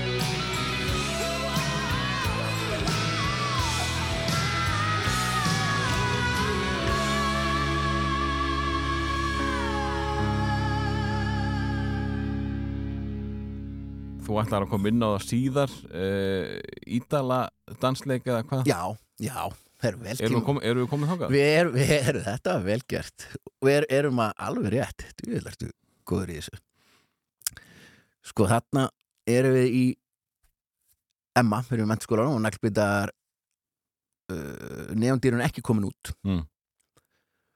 en samt svona, þú veist, við erum búin að vera spila daldið og þú veist, fólk á Akureyri veit hverju við erum og Hæðin er ekki heldur komin út? Jú það gæti verið í kringu þetta, við erum einhver stöð þar Mm. 90 þannig að þetta var alveg orðið orðið eitthvað sko. Að svo er Aron Þór, vinnur okkar sem er upptökumæður og vann hér lengi og er hljóðmaður nýr í þjóðleikus í dag og unnið með John Grant og Monsters and Men og fleira. Við erum saman í, í, í Emma hann er ættaði frá Ísafyrði eins og Helgi Björns Mm. 17. júni ár hvert hefur síðanskinn sól haldið ídalaball rosalegt bara koma á eðlunni dun dun dun, party party og bara allt Norðurland Allir sexy mætir, mætir á ídalaball Já. og stútfullt og engi posar og alltaf uppselt og bara geggjað sko og þarna fá, fáum við Aron til að ringja í Helga. Gegnum pappa þegar þeir þekktust eitthvað frá Ísafri og þetta er og þarna erum við búin að spila félagsmyndstöðum og kannski eitthvað í Emma í skólanum og svona. Og Aron dílaði við hann um það ok, hvort að 200 snakkbítar megi hita upp. Fyrir, og, þetta er, ég er, ég er að tala um þetta er, þetta er Wembley okkar norlendinga á þessum Mm. tíma sko og Helgi bara, já það- já, blessa, auðvitað, eða eitthvað ég vil ekki, Helgi, Helgi var alveg Björgun Halldórsson í smá tíma hérna, en hérna þannig að það er græjað og við bara holy fucking shit uh, Þau viti hvað er framöndan Já, Já. þetta er bara það er eitt annað svona moment í ferli nærspýta sem að kannski komum svo inn á setna en hérna þarna eru já, mamma og pappi eru skiliðin mamma er búin að kaupa möstu 323 hvít masta sem er ósýnilega á bílaplani. Og svo venjulega það er engilega að sjá hana bíl. Uh, við stútvillum hana græjum þú veist og brunum. Aron með okkur og Kára og Benni aftur í og allt stútfullt af gíturum og magnara og öruglega tekið trommusett með eitthvað því að við reiknum með að þurfa að nota það. Uh, Ítalabannum kvöldið við brunum yfir í Þingæðisísluna Víkusgarðið um ljósavarsnið og, og niður kinnina uh, og tökum svo bara vingilbegin á planið á Ídölum hátteginu bara mæta tímalega til að stilla upp náttúrulega gikk um kvöldið og Mhm. mikið framöndan þar ná, frekar rólegt, þú veist, engin, engin eðla komin og ok, við erum greinlega fyrstir. Býðum aðeins í bíl, ljótum hann fara að koma gikk í kvöld, þú veist. Klukkan hann hátegi þú veist, tól tímar í gikk hvað eru þeir eiginlega? Sitjum út í bíl og ok, eitthvað mikið móða og við allir eitthvað pínu þreyttir og það ákveð, ok, við ljótum bara ég ætla að fara bara inn og tjekka tjekka á þessu. Ég fer á banka. Og það opnar húsörur í dölum. Og ég segi, já góðan dag, vil heiti ég, naglbítur við erum að fara að spila hérna í kvöld og undan síðanskið sól. Hér fyrir enginn inn nema Helgi Björns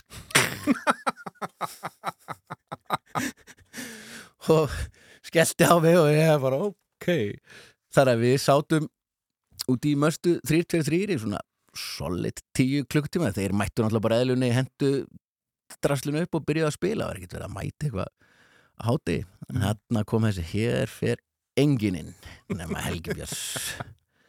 Það var ídalega svo gekk bara vel að spila og allir allir, allir vinir eftir það. Þetta var svona já, við vorum metnaða fullir að mæta snemma og Já, hafa þetta ánaða ykkur. Já, Eh, að því, að því þú hérna talar um að það var eitt svona stórt dæmi þá, þá man ég eftir einu sterku dæmi. Það sem að þið einmitt uh, takið, það er hitað upp fyrir ykkur. Já, já, já, það, og það var svona, það var tónlistar hátíð já. stór og mikil. Heldur betur. Já, og uh, hljómsveitin sem hitað upp fyrir ykkur heitir uh, Bloodhound Gang jú, jú, jú, jú.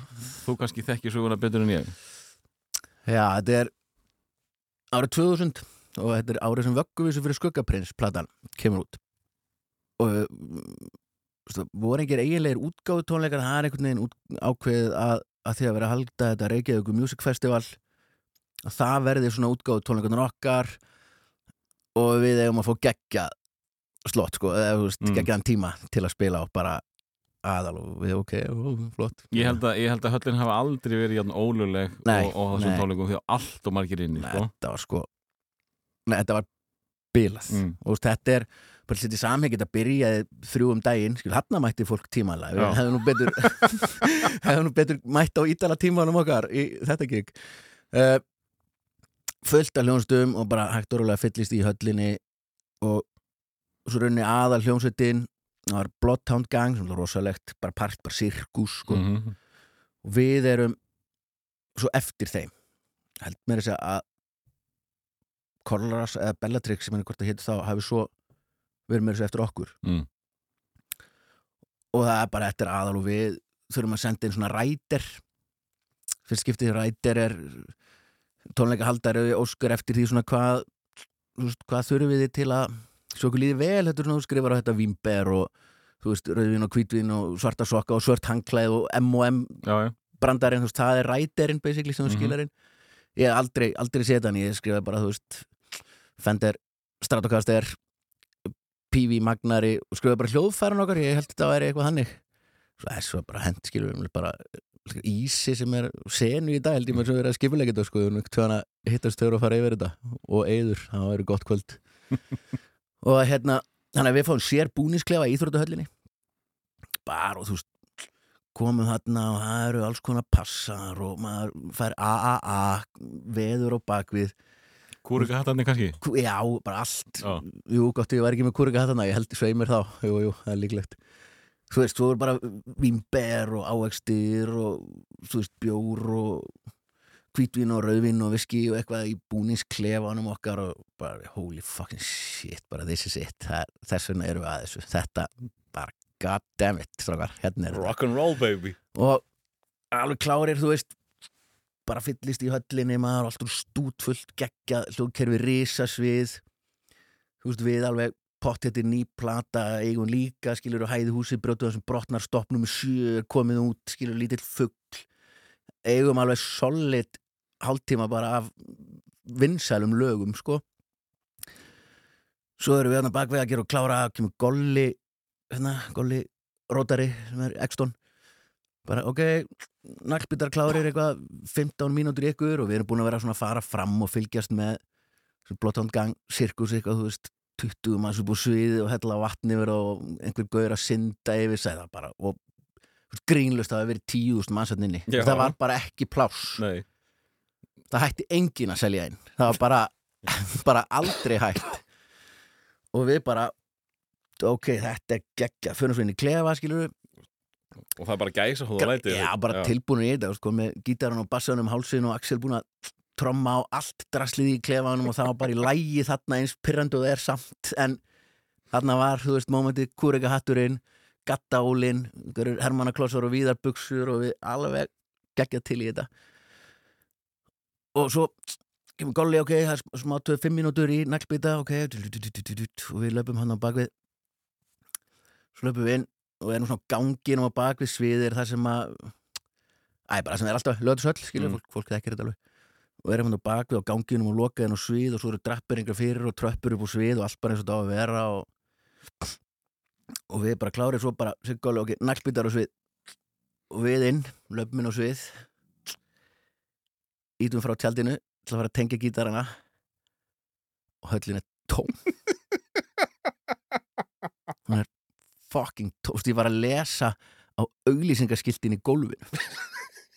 Bara hvað er í gangi? Þú voru tíðust maður sem það rétt á hann Já, allt tómt, þá voru tíðust maður og búið að opna neyðarútganga. Mm. Það var þarna. já, bara ónýtt, Já. bara húsið var að skemmast. Og bara öllum smalað út. Og bara allir vildu líka fara út. Já. og það það voru einhverjum 50 manns upp í stúku. Ég var upp í stúku. Já, þetta, þetta er rosalegt sko. Við erum 2000 snappildi að gefa okkur gott klapp. Uh, uh, Byrjum þannig og svo bara Já, svo bara horfðu við hver ára, ok, fuck, þú veist. Og fólk bara á leiðin út og eitthvað svona ég heldur hann ekki kveikt endilega neðaljósin en samt svona í minningunni þá var þetta nú ekkit eitthvað það var eiginlega bara þannig. Og við fórum í gegnum programmið okkar og fórum svo inn í klefa og fengum okkur kannski bara einn og hvað, hvað var þetta? Hvernig var upplifunin þegar að þeir eru bara að fara að sigra fokkin heiminn? Það eru tíu þúsund mann þarna úti það er allir æstir í að sjá okkur og svo bara búm, engin Hvernig? þetta, er þetta er svo surreali sko. þetta verður bara, en maður þú veist, við fórum bara að hlæja fyrst er maður svona eitthvað ha, hvernig, þetta hlýtur nú að vera einhver blús. Bara, já, ég maður hundfúll. Þú veist, en ekki kannski akkurat þarna. Þarna Nei. er þetta svo mikið sjokk að maður er bara what the fuck? Og bara verður allt aðsnæðald að finna já, svo er maður bara hundfúll. Þú veist, við komum af sviðinu brjálaðir inn í klefa bara hvað var eiginlega í gangi og þú veist, að setja segja okkur að sé einhver besti tímin að vera eftir Bloodhound-gang hann bara lýsir annarkort alveg fáránlegu domgrinda leysir tónleikahaldara eða bara, bara eða, eða sé bara eitthvað ívúl sko. ég, ég veit ekki alveg hvað Ég held að þetta hefði nú alveg verið í lægi hefði ekki verið svona rosalega margir þarna sko. hefði ekki, Já, sko, það var neyðar ástand Já, fólk, var bara- það var bara líða yfir fólk. Já, það var allt og heitt þarna, ekkit loft það bara þurft að opna og fólk þurft að fara út. Já, hliðin var bara tekin út sko. það fór bara neðarútgangurinn og bara, þetta, þetta, var bara hættu ástand já, já, það var, þannig að ef þetta hefði verið löglegi 6.000 já, þá hefði allan að helmingunum verið eftir sko. já, já, já, já, en, en sko, þetta, eins og ég segi, þetta var neyðar ástand Bara, fólk var að bjarga lífi sínu sko, með að fara út. Já, hefði eftir hefði alveg lifað 30 mínútur í viðbót fjandinn af er það ekki? En þetta var þetta er svona eitt, eitt eftirminnilegasta. Þetta er já, rosalegt sko. og var síðan kolrasan eftir ykkur? Já, það er voru svo eftir okkur. Það var miklu skárra já, var fólk að það koma var aftur? fólk að koma inn aftur. Já, ok, við lendum bara þarna einhvern veginn á með, meðan bara fólk var að ná andanum. versta Já. tíma sko. Og þetta var mjög bil eigimann, já, já, við heldum bara sest inn í klefa og fengið okkur bjór farið einhverjum smá fíl, eða ekkert smá fílu bara haug fílu sko. og já, já, þú veist, þetta í dag finnst Já, já, já, ég Frábær meina, saga. og, þú en, hérna, sk- skuggaprinsin kemur út þarna um þetta leiti og uh, hún er uh, svona, mikill metnaður í, í þeirri gelu. Og ef ég man rétt var ekki Axel búin að trommana löngu áður en að þið fóru að, að taka hann upp? Jú, alveg, sko, við, mér finnst það svo fáránlegt. Já, þetta, er- er nú svo geggjað, sko, fyrsta fyrsta platan, Neondýrin, mm. hún er tekin upp í grótnámunni búum við fyrir norðan og komum bara söður til að taka upp og fullt af upptökumönnum sem fóru í gegnum þetta. Þorvaldur Bjarni og nú lengst af en alveg fullt af, fullt af Mm. fólki sem kom að henni. Og svo er hún bara kláruð gefin út og við erum fyrir norðan og komum bara söður til að spila og þú veist, förum út um all land að fylgja henni eftir. Svo byrjar Axel að taka upp sem hann vinnum við í dag bara meira áttar upptökumæður Flexi. flexi. Já. og átti eitthvað digital mixer og fór bara pælar og síðan og við, þá vorum við með æðislegt æðislegt æfingarúsnaði og þetta er alltaf sko, fyrsta platan þú veist þú svo mörg ára að gera hana það er alveg uppsafnað Mm. þú veist, hún er rosalega hröð þú veist, mikið punk, samin hér og þar og samin stundum í ömulu æfingarhúsnaði og stundum í frábæru æfingarhúsnaði eða nei, bara öll í mismunandi ömulugum æfingarhúsnaði með að segja alveg sverindar svona bragga í slipnum sem snjóað inn í og eitthvað alls konar skrítið. Og en á plötum 2 þá erum við að leia á Óseri á Akureyri á hún Yngva ræðverkja sem maður á bara, er reyna að nefna hann bara í alltaf því ég tala um þessa plötu. Því að hann fannst bara á þetta risa húsnæði var stúdíó ógeðslega flott, þú veist gluggar og þrjákanta og lofthæð og stuður með sófa og borð og fúsbalarn inni hjá okkur og bara alvöru Já, ok. þetta, bara flottar, þetta er punktur, bara flottast aðeingúsnæði sem naglbyttar hafa nokkuð tíman verið í og bara eiginlega engin íslensk hljómsveit, þetta var bara fullkomið sko, alveg meiri hátar og hann var þetta ekki á, bara, það vildi lengi leia hljómsveit. Það er bara störglega það í dag bara, hann vantar hérna fyrir hljómsveit. Ah, ok, 700.000 nei, Mm. nei, ok og hann, hann fannst bara öflatar, bara ungi menn í hljómsveit og var alveg til að leiða okkur þetta á þú veist, eitthvað sem við gáttum borgað skilur, 15 árs kall eða eitthvað Mm. þú veist, um þeim upphæðum, þetta er ekkit og hérna 15 að, eða þú veist, þetta er, hann bara, já, ég hefði getað leikt á miklu meira í hvað sem er Mm. þú veist, auglýsingastofu eða eitthvað fannst það bara alveg upplagt þarna komum við okkur alveg ógeðslega vel fyrir og Axel er byrjar að taka upp komið svona einhver mixer og upptökutæki og alveg farin að vinna á fullu því. Og hún er öll samin þarna í þessu húsna og það heyrist, það heyrir oft allavega á naglbýta tónlistinni eða hvar hvar vorum þegar maður að semja hana þetta er þröngt og pönk og svo verður sumt stórt og, og, og mikið og, og vöggu í sér eða stór plata. Og þarna semja hann alltaf tökum upp örgulega hauga demóum sem þetta eitt hvar eru. Og classic. Og þegar við erum búin að ákveða plötuna þá, þá tekur Axel upp bara sinn, sinn part. Já, með breykum og öllu. Já, bara trommar trommar lögin sem, sem að endar á plötunni. Já, já, já, já. hérna. og hérna, trommunar eru teknar upp þarna. Svo komum við suður til að til að klára hana. Þú veist, kannski var eitthvað eitthvað trommað aftur Mm. eða veist upp og nýtt, en samt þarna var búin að leggja hana bara og klippa trommunar inn og þú veist, ég manni hvort að ég var við sennilega höfum nú verið með honu þegar hann var að tromma bara, en ekki, náttúrulega mátti ekki herast inn að spila í headphone eða eitthvað, þannig að hann vissi hvar lögin voru, bara svo sem eins og maður gerir í, í stúdíói. Og en tekur þetta bara upp sjálfur þarna og við klárum hana svo í, á Grensásvegi stúdíó hvort það hétt hétt Sýrla, eða það var alltaf að vera að sér nöfn eitthvað milli, milli stúdíó. Og hérna uh, já, þar var hérna Haffi, svona trommar í SS Soul tók hann upp, það var alveg geggjað sko. Tempo? Nei, ekki Hafi Tempo, það er hann Hafi Gunda. Hafi Já. Tempo er hljómaður líka Hafi, Hafi sem hann trommar í síðaski sól, mörg ár. Ég held að það væri bara sami maður. Já, nei, að, Ok, fullt af höffum sko. og já, hún var öll unnin þú veist, það er alltaf öðru vísi sko, þá, þú veist, er Axel búin að taka þetta upp. Uh, og svona við erum einhvern veginn gerum hana meira, þú veist, fyrsta platan gerist en við gerðum þessa. Og og mér, þú veist, hún er me- meira áttar sko. Og mér er tvö síðustu lögin á henni eru bara svona, þú veist, það eru massive attack fíl, það er, þú það aldrei heist í útvarpi en hérna þú veist, allt öðruvísi fílingur, ég held að fólk myndi ekkert spotta að þetta væru naglbítar mm.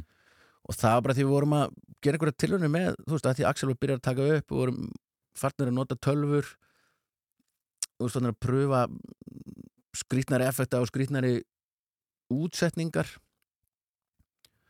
og hún er já, mér finnst mér ekki mjög vandum þá plöta því að svona veginn við byggum hana til. Ég veit ekki hvernig ég á að lýsa þessu. Þú veist, hinn gerðist bara þú veist, hratt lögin tilbúin. Svo komum stúdíu og þarna náðu að því við vorum svo geggja efingu náðu alveg að pröfa og fykta Mm. og þú veist breyta eftir og vinna þetta svona í, í, í álfurunni sko. Var ekki fyrsta smáskjöfan Toxic Alan? Kom það ekki undan stoppinu Jú, sennilega nefnilega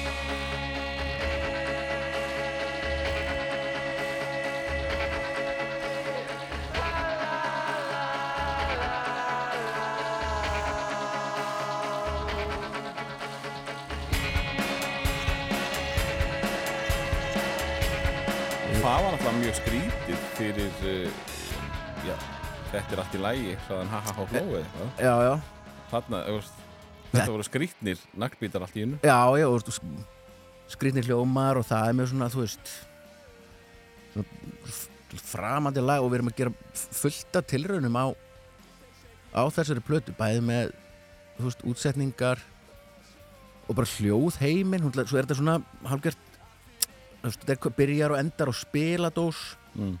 og svona platan rammast inn þannig. Og þú veist, já, Toxic Alla er þarna svo svo er ég, ég veist fann að spila meiri meiri riff á gítarin svona kom nefnir eitthvað aðeins meiri pælingar meðan hitt var bara sko og svo vælutónin sem ég gerir alltaf sem er eins og það er alltaf í öllu. Og hérna já, hún er er svona, já við, þú veist, það er rosa vinna í þessari plötu, að því að við vorum svo hefnir með æfinguhúsnaði og mættum bara hverju meinastu degi og vorum að semja og pröfa og þá getur maður svona þú veist, lítill fugg man ég byrjaði þetta aldrei öðruvísi þú veist þú veist, ekki svona ætlað að hafa trommur í því fyrst. Það var svona þetta rólegt lag svo dettur Axel niður á þetta gegja beat og Kári spilar basically lúpaða bassalínu. Bassin er alltaf dún, dún, dún, dún, dún, dún, dún, dún. Það er einn, hann bara gegnum allægit og erum svona pælingum og ég er alveg með clean soundi sem svo kemur einhver alveg djöfusrutta gitar mm. bjögunarkabli. En þannig er annar lag sem að eh, fyrir út um allt er það ekki? Jó, Lítill Fögl var rosa. Já, en ég var að meina að tala um stoppið. Já, stopp, já, já, já, absolutt Toxic Alla það var svona, hmm, þetta er skrítið. það hefur ekki terst uh, En svo kemur stoppið eftir það Það er önnur smáskjöðu það Jú. Og það fyrir alla stöður það ekki? Jú, það var alveg morðvinsælt sko. En það var svo gerum við líka vídeour því sem var hjólabretta mm, vídeoið og það var geggjað sko. Já, Já. það var meira áttar, meira áttar. Og hérna og Rúnar Rúnarsson hérna að Gerði það? já, Já, ég ætlaði að gera eitthvað myndband það var svo vond tugmyndsvöldi en það bara kift stock footage af einhver hjólabretta gaurum og klift saman. Að ég og hérna, en sem er geggjað, þú veist hann á, ákvað það. Og meiri hátar það var mjög mjög við veist, af þeirri plötu er örugla þú veist, stopnum sér alveg uh, langstæst lítill fugl var líka mjög, mjög mikið spil og er, það, li- svona, það er það lifir. Lifir lengi, já. Svo voru alveg einhver lög sem voru kannski spiluð alveg haug í smá stund. Þú veist, þetta voru 20 tveggjur ára guðum plata í dag sko, Æ, úf. og hérna þar var líka lag sem ég heiti 200 naglbitar, það var mjög mikið svona ekta naglbita, Já. college rock lag. Og svo hérna nei, það var á hjartagulli sem að kemur hérna hann að sólgleipir sær er sem, já hann er bara heila þrjár plötur og ég fer hann að ruggla þessu saman ha, Svo náttúrulega gerðu þið, þið, ódúðlega uh, da-da-da með, með Já, hljómsveitinni Ding Dong Já, heldur betur og þar lærði ég að maðurinn er ekki að segja í lík, lík, lík, lík, lík, lík, lík. Það þurfti þú að útskýra fyrir mér að hann var að segja eitthvað ákveðið Já, þetta væri svo kvöldið þýska og hann var, að, hann var að meina það sem hann var að segja Þetta er ekki bara eitthvað lí,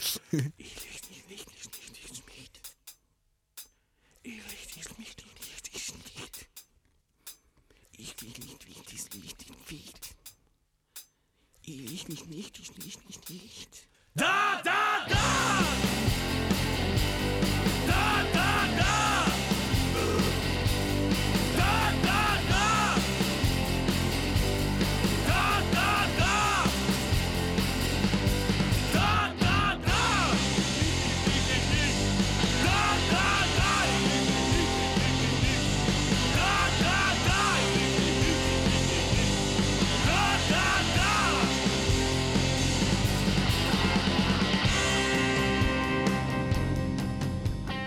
uh, og hérna og Hugo. Húk, herðu alveg rétt. Hugo fekk að fylgja það með. Hugo og var Appelsína settur í, hvað, 2-3 remix eða eitthvað svo Já Þetta er lag sem að þið notuðu alltaf í á tónleikum þegar það var vesinn á þér er það Já, ekki? jú, þe- þetta byrjar þannig að þegar ég var mjög mikið að slíta strengi. Mm. og þá, þú veist bara að þú slítur streng í tryggja mann á rockljónsveit það var, erfið Já, þú ítir ekkert bara að play á einhverju og segir býðum aðeins það var bara þá fóru Kári og, og Axel og svo Kári og Benny setna þú veist, í þetta þetta er svona eitthvað þetta er- þetta er Cypress heillegt sko Mm. en hérna, ég vil ekki meina að þetta sé alveg ég vil ekkert nákvæmlega það kannski var hann að reyna að spila eitthvað og það kunni það ekki alveg, þú veist, Mm. sennilega er það líklegt og þarna verður verður þetta svona til svona, svona old school hip-hop bassa og trommur riff eitthvað meðan ég er að skipta um streng og svo, Sattist þú að rappa já, svo Bull. gerist það setna sko, ok. svo, þetta gerist svo oft, svo oft að slita strengi Já, já, svo fór ég að koma, þú veist, var búin að setja strengin í þú veist, þarf að stilla hann hvarlega ekki að mér að eiga tjúner á þessum tíma, ég var bara með snúri í tvö overdrive og eða bara rattin eða eitthvað mm. Það er- bara svona sex ár síðan ég kefti með tjúner sem að basically maður stillir eftir og þá mjútar hann, eða lækkar hann í gítatum þannig ég var bara búin sviði down, down, down, allt í gangi gling, gling, gling, gling og stilli gítarinn og fer svo einhvern veginn að koma inn í með eitthvað svona semi svona skrats eins og mm. plötusnúðar gera, þú veist með nöglin eitthvað á þessu og svo einhver ekki, þú veist erum við að spila þú veist, einhverju mentaskóla gigi fyrir norðan og kemur einhver bara byður, hei, spiliði Hugo Appelsína og þið bara, ha? bara spiliði hvað? Hugo Appelsína og ég bara, hvað, einhver vinnur okkar og bara, hvað er þetta að meina? Já, þarna rapplægið og þá föttuð, já, þannig þegar ég er að slita strengi og þá verður þetta bara til í einhverjum En þið hafa greinilega notað Spuna. sjátið Hugo appi sína? Já, já, já, það hefur komið einhvern tímann það, ég byrjaði eitthvað, eitthvað fælir feffund, eitthvað, allt bara eitthvað bull eitthvað, svo kemur eitthvað dropp og þá kemur þetta Hugo Appelsína eitthvað, við höfum örgulega sett eitthvað annað og hann bara pikkaði upp Hugo Appelsína, ég held að við höfum ald- aldrei dottið í huga að segja það.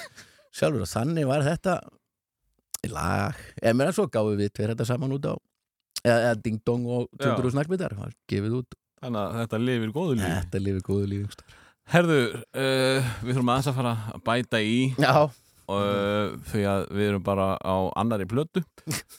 Uh, Kíkjum aðeins á, á hérna hjartakvöldið og uh, þar eigum við líka svona allavega eitt monster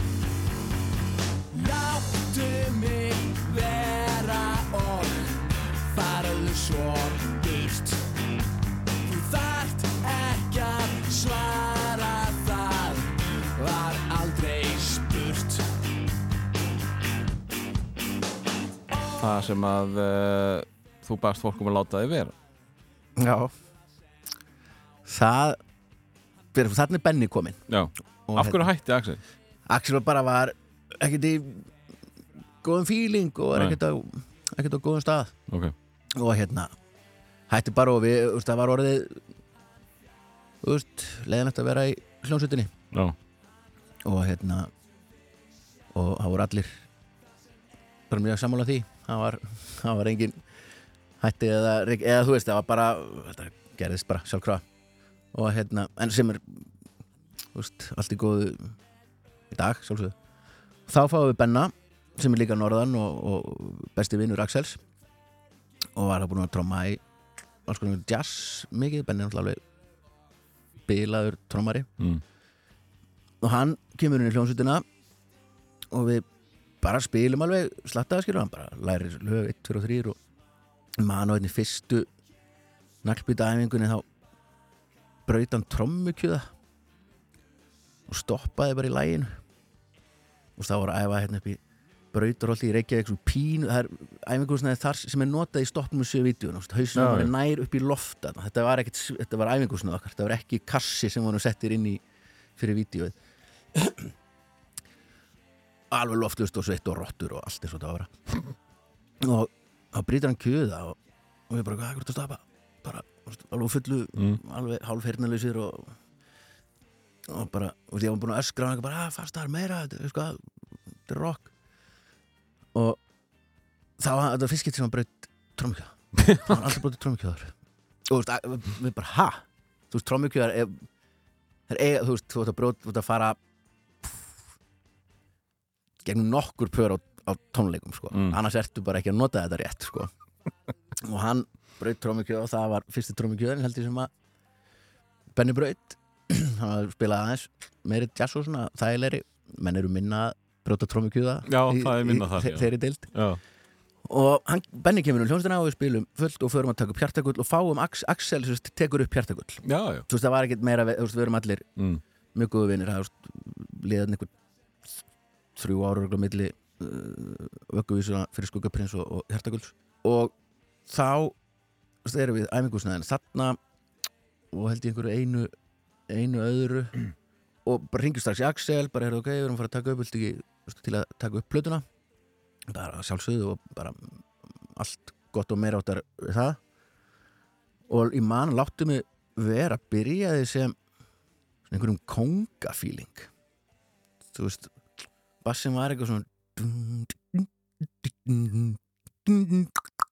eða þú veist, kannski ekki alveg er, en í einhverjum nokkuð fannst það pínu pínu töff að vera með eitthvað svona rockla í einhverjum svona skrýtnum, einhverjum, mm. ætlum að nota sticks manni, eða þetta klafi sem eru bara tvær, tvær spýtur sem eru ekta svona Já. lat, latin, á, á Já. hennangur og alls konar pælingar með þetta lag svo er það í rauninni bara þegar við komum í þú veist, við erum búin að fara með þetta einhverja ringi og svona ok, er þetta að, er þetta málið, já, þetta er pínuð skrítið skrítið er gott en samt við erum búin að þvælast með það manni að svo er það í rauninni bara í stúdíónu sem að, að þegar við erum að taka þetta upp og þú Axel með okkur og við erum, erum allir eitthvað svona er þetta málið og þá þú veist, gott, Axel segir bara pröfum bara þú veist, að negla þetta neglum þetta bara á einum bara þú ekkit, sleppum þessum hérna flúri og tökum þetta bara svona standard rock bara gang, gang, gang, gang, gang, gang, gang allan tíman og við höfum eitthvað verið að já, þetta var búið, að- búið að þvælast en svo bara leið og það kom og svo var eitthvað píano þarna sem við settumst á og byrjuðum að hamra það með og þá bara komið ljós, þú veist, að rock er alltaf best þú- ef þú neglir þetta bara á einum. Hættu, þú veist, hitt, hitt heitir eitthvað annað. Og já, keirum þetta bara hratt og, hratt og fast og þú veist dúr og moll breyting sem er alltaf æðislega, það er allt lægir allt í moll ef fólk vill hafa þessu svo dettur það í dúr í viðlæginu lærum við síðan setna þegar við heldum við höfum fundið þetta upp er elsta brella í tónlistæmin en við heldum við varum að fatta eitthvað hann sem að enginn hafi átt að segja á. Þannig er líka mikið fann að hlusta á víser sko, sem Mhm. að og gítar, svo ég held að þetta sé eitt af fyrstu gítarsólóðunum sem ég byrjaði að spila bara laglunina sem ég syng. Gítarsóló er ekkert annað, hún er bara sama laglína og, og í versinu, ég hef gert þetta alveg nokkrum sinnum síðar, þetta er eitthvað sem ég held ég hef öruglega heyrt hjá víser einhvern veginn. Bara auðvitað, hvað er menna, öruglega eitthvað spilaði bara er laglýran er svona svo bara kemur gítarsólu tja tja down, down, down, down, down, down, down, down, down og og þarf að flækja það eitthvað en það er ekki góðu gítarleikari. Bara vandræðilegt ég að fara einhver sól og bara lélugur því sem hún er gerir. bara, ég er bara lélegur í því sem ég geri. Það er nú ekkert, er ekkert flóknur það. Eh, En ég, ég vil hlaupa aðeins áfram. Já. Því að uh, síðan flyttur þú erlendis eða ekki. Og uh, ferð að vinna eigin efni. Já, ég fer, sem, er, sem þá Vilhelm Anton já, bara Vilhelm. Og hvað ég bara skera fer ég hérna til London með þáratu kæristurinn minni sem var að fara í master í sálfræði og við búum einhverju kommunu í, í suður London fyrst og svo austur London ég hafði ekkert að gera sko í rauninni, vissi ekkert, fór bara með. Og ekkert búin að plana það Nei, ok. mikið meira. Og svo satt ég nú bara dálítið mikið á mótnana meðan allir fóru í skóla og vinnu að svona eitthvað, horfa út um gluggan og labba um London og skoða nýgaríu markaðin og eitthvað og fatta þessu einhvern veginn, því ég satt úti bara hvað er ég, þannig að, að, að gera eitthvað sko. þessi var með nokkur innslög hér á Rástvö og eitthvað aðeins fyrir skjá einn eitthvað svona pína þannig að svona, að svo seldi ég einhver nokkur hann var fyrir að mála mig mikið, seldi nokkur málverk en ég fór. Hann einhvern veginn gáttu við lifað á námslónunum hennar. Mm. og ég segi ok, hann er að gera eitthvað. Mm, það er leðinlegt að gera ekki neitt eitthvað, einhver íbúð í London. Og þá ákveði bara, já, alveg rétt, ég er tónlistamæður alveg rétt, úf, dum, glema því og var með stúd, ég var að mála þarna úti, sko og var með vinnustofu með öðrum krökkum og bara fullu að að mála með, olí og strega og gera, gera málverk kefti hann að M-box sem var upptökutæki sem að allir eh, Margir kannast við. margir kannast við já. og byrjaði bara að semja það með kassagítarinn úti og tók bara samti og tóku upp plötu í, í, í London sem heitir The Midnight Circus Dim, fallega plata. And that line is just a metaphor for life, and we'll know it. 'cause Smá kóin í þessu. Á mikill, mikill kóin mjög kóin og Nick Cave þetta er bara, ef þú ert einn með kassagítar þá verður þú annarkvort eins og Dylan eða kóin það er bara, Og þetta er líka alveg ný rödd. Það er djúpur, já. Já, það er ekki, það er ekki tja tja tja tja hana. Nei, nei, nei, þess er bara að syngja rosalega langar fyrir mann þessi textar. Þetta er mjög dimm æventýri sem ég er þetta mjög hrifin af. Það er ríkalegt að syngja þetta á tónleikum sko. Fjóra, fimm blaðsíðu bara einhverjum sögum Hefur svo bara hvað er ég Hvað er ég að gera þetta? Já, komstu mikið fram sem Vilhelm? Já, eftir að kom heim þá ég tók plötun upp úti og bara inn í Svefnherbygginu og það bara með naglbýta mikrofónum minn sem notur búið sviði sem er ekki stúdíómikrofón. Og áttu ekki einu svona mikrofón stati þannig ég batt eða svona notaði belti á einhver bar stóll á íbúðinni. Þannig ég festa hann von á stólnum og söng einhvern veginn onni hann þar og það var allt mjög veist, trommaði einhvern kertastjaka þarna og, og var að dunda mér. Í þessu spilaði eitthvað held ég einu svona tvisvar þú veist, einn úti. Og svo kom ég heim og kláraði hann og fekk þú veist, góða vinur minn alltaf spila inn á plötuna og gaf hann svo út sjálfur eitthvað ég, fyr- fyrirtæki sem dreiðinni sem fór á hausinn og hún er, þú veist, ég veit ekki, hún er ekki svona Spotify sko. Nú, er það ekki? Nei, Akkur, ég veit ekki. Áttu þetta ekki? Jú, ég hafa nokkur CD eintök sko, Já, ég, get, ég get ekki hlusta á þau af því ég ætla ekki, þú veist, ég er að heyra þetta í fyrst skipti í veist, mörg ár núna sko. Já, laumaði svo spottuna maður. Já, ég vil skera það. En uh, nú þurfum við að hlaupa svolítið og uh, nú erum við komin í allt annað. Ég var rosalega mikið að reyna að finna uh, klippur úr bingo lotto, hérna, hérna bingo lotto. Nei, bingo, skjá einum. Já, Já. þar, uh, er það fyrsti sjónvarsvili? Nei, nei, nei, fyrst í sjóhansvili byrjar hérna, Rúf uh, þá byrjuðum við sko, ég var að vinna þetta sumar á elli heimili og spila á kassagítar fyrir fólk með Alzheimer og gæta í kvalaskoðan Já, og ákvæðum langaði að vinna í sjónvarpinni, ég labbaði hérna upp yfir og pantaði tíma hjá Rúnari sem var þá dagskostjóri og sagði bara, við viljum þetta ég mig langar að vinna í sjónvarpi. Ok, með hugmynda þætti þetta virkar þannig hef ég síðar lært skilur, þú kemur með einhverja hugmynd fyrst ekki bara ég vil gera. Og ég bara nú, já, um, já bara og hvað langar að gera, ég bara mig langar að ferðast um heiminn og elda mat. Og bara já. Bara ok. Sagði eitthvað hvað heldur við fáum nú margar hugmyndir um svona eitthvað fólk sem að kemur út færast um heiminn og elda mat og ég á að borga fyrir það. Ég, bara, ég veit ekki, ég er að koma þetta allavega fyrst skipti mína hugmynd, ég veit ekkert hvað fleiri ákomið og hann bara, nei, nei, út með þig. Bara, it, og ég bara, ok, út. Svo bara hringt í mig nokkrum döðu setna, það var að vera að byrja með úlingaþátt sem að hétt hérna AT og ég og Sigrun Ah. Ósk sem er bara stöð 2 mm. við byrjum, það er fyrsta og ég fer einhverja pröfur fyrir það. Klúraði því alveg, ég held að það er okkur til hérna eitthvað, eða vonandi ekki eitthvað, og en svo gekk það bara svaka vel og við gerðum alveg 2-3 tímabi, eða svona þáttaræðir eða hvað við köllum Mm. af þessu og svo, svo man ég hvort að Kári bróður hafi verið farin að vinna á skjá einum alveg hvernig það kom til að að hann ringdi mig og nei, hvort að við byrjum með út að grilla með Kára og Villa að ég hafi farið úr þætti á ríkisjónvarpinu til að gera eitthvað bjór grill þátt með bróðum mínum á skjá einum en svo kemur hann einhver staðar inn í þessari sögu er, er eitthvað dagskastjóra skjá einum sem spyr, "Heyrðu, hey, vilju, viltu gera bingo ég er bara fuck you veist, ég er rockstjarni ég er að gera bingo, ekki svo vitt og hérna, hann lætur mig hafa einhverja spólu með einhver dönskum bingo þetta sem ég fyrir mig heim og horfa á kjörfum tilbaka og segir bara ok, þetta er er er, ertu, er fyrirmyndin dönsk? já, það er svona Af því, sko, ég man ekki til þess að hafa nokt í hann spilað þetta en maður horfði alltaf á þetta. Þetta Já. var, þetta var ekki leiðilegt þetta var crazy sko, að því ég mi, sko, fyrirmynd, já, einhvers það er til einhver svona reffi sem okkar var svo allt öðru en þú notar einhver svona, svona viðmiðun og svo er ég einhverjum risafundi þarna með frá, já, svo þurfum við að halda þessu inni sem að Görin gerðin í danska þættinu og hérna ef fólk vil koma í þáttin og láta tattúur eitthvað á sig þá má það eiga hlutin Já, eins og ískap og já, já, og það var allir bara ha? Og ég bara já. En fólk, þú veist, konan sem kom í þáttinn með eitthvað tattú á sófa fekk litt tattúar á sig sófa og svo gaf hann henni sófan og það sáttu bara allir að fundinu hvað hérna hvað, hvað, þú veist, talar enga dönsku?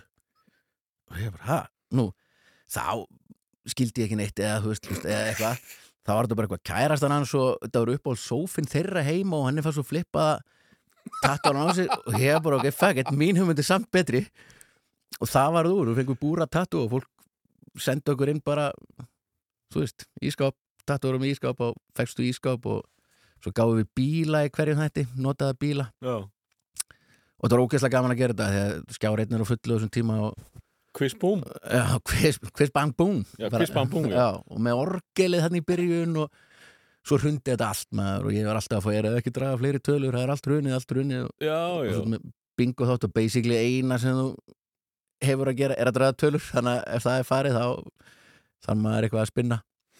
Og hérna, Og þú fjast mikið að spinna? Já, já þetta Já. var ógeðslega gaman og, og einhvern veginn allir bara, já, til í allt. Og svo bara einhvern tíðan tíunda þætti ég myndi að það var ekki Kári bróður bara sagði, herru, staðan er svona vinningakostnaður þessum þætti hjá Villa er meiri en framleiðslu kostnaður að ná fólk með sirri og tveimur þeimur þáttum og svo eigum við framleiðslu kostnaðan eftir. Og þó við myndum selja auglýsingar í hvert einasta auglýsingahólf á tvöföldu verði þá erum við samt í mínus. Þannig að honum var sleifa Gekkju hugmynd. En svo fóstu hérna og gerðist barnastjarn Sveppi! Sveppi! Komdu, talaðu um mig Um mig. Já, já, Komdu, Hvað er að? Sveppi Þú trúir ekki hvað var að gerast. Hvað er þetta að tala um? Það var hringt í mig Þeir spurðu mig um dósinnar Þú spurðu hvort ég var að endurvinna. Og ég sagði bara já. Svo spurðu endurvinnur blöð? Ég sagði já. Svo spurðu endurvinnur dósir? Það var ég sem ringdi. Nei, það var maður frá borginni sem hringdi og spurði mig um dósina, Sveppi Nei, það var ég, Vili. Nei, þeir vita af dósunum, Sveppi Já, þeir vita af dósunum eins og þeir mig ekki vita af dósunum. Það var ég sem ringdi í þig af því að ég var að gera símaðat. Mér? Já, æfa mig fyrir alvöru símaðat sem ég gerði svo setna. Þetta var ég, fyrirgefðu. Góð sem ég fekk fyrir hjartað Ég fyrirgefðu maður, Hingað fyrir hjartan. Fyrirgefðu. Það var svona pínufundið. Nei, þetta má samt ekki. Ég veit, ég ætla ekki að gera þetta. Þú var svona rödd skynseminar í, í þessu verkefni, eða ekki? Já, já, þetta var, þetta herri líka við höfum farið að hlæga bara í álfurinu sko, þetta var mikið Hvernig kom þetta til? Akkur varst þú fenginn sem aðstofamaður barnastjórnunar? sko þetta, Varstu við, þekktust þið eitthvað? já, eða svona við vissum af hver öðrum svo sem alveg, en það var aðalega kærustunar okkar voru saman í háskóla og kynnust gegnum þær Já, og hérna, jú, jú, og verðum svo mjög flott við náttúrulega báðir handbóltamenn, sjálfsögðu Mm -hmm. Báði spila landsleik báðir spila hans ekki, já, heldur betur og hérna svo er Sveppi beðin um að gera barnaefnið og heyrir mér og spyr hvort þið sé til að semja Kemur, stefið kemur þú strax inn? já, já, bara áður en Já, að byrja á þáttunum bara hvort þið verið til að semja stef fyrir þáttur upp á stef Já.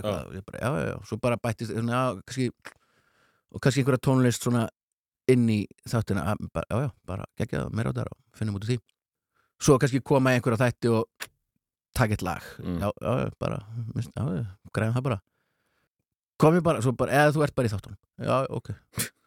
Og svo byrjuðu bara að taka upp og þá var villi bara allan tíman, en strax, það var alltaf einhver tónlist, við gáum út plötu líka Mhm. saman, barnaplötu. Og já, þetta gerist bara svona, einhvern veginn. Hvern, hvernig var þetta mér- sýnist og öllu, ég var nú aðeins að skoða þetta í morgun að ykkur fannst ekki drosa leiðilegt allan á köplum, þetta kannski verið erfitt leng til lengdar en uh, hversu mikið var skrifa niður fyrir upptöku? ég held að sé alltaf að tala um hann núna svo sem, ef að þú veist til að búið að framlega þetta og engin umsókn og kvikmyndasjóði sem liggur inni.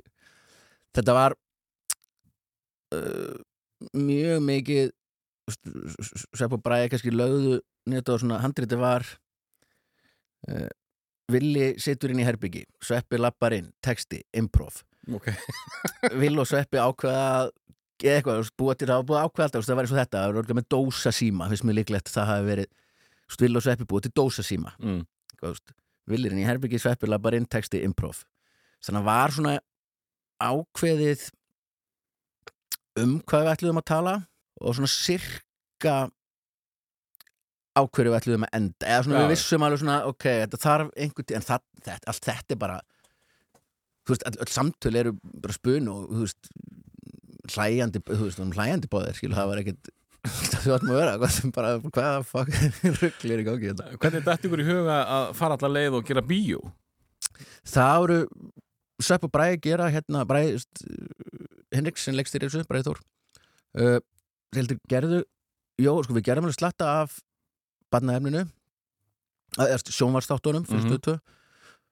og svo gerður gerður jólaþátt, svona Christmas special eins og allir Já. vilja gera og ég var ekki í honum heldur Pétur Jóhann var í honum og hérna ég heldur að bara fatta þá, þau gerðu klukkutíma þátt Þú veist, það er bara 20 mínútur viðbót og þá heitir þetta bíómynd og já, svo fóru þeir bara að skrifa hana og, og vinna hana og gera, ég, ég verð ekki framleiðandi að því, neitt, Nei. ég er bara leikari leikari í, í, í því öllu sko og svo bara er það að gera bíómynd cool, Og þetta, þetta var alveg success við erum rosalegt, já Hvað var það? Þrjár? Fjórar? uh, allavega fjórar Já, kannski fimm er þessu sko, Durafull hótelherbyggið nei, uh, leitin að villa Durafull hótelherbyggið Töfraskápurinn Gói bjargamálunum Já. Fjórar, fjórar.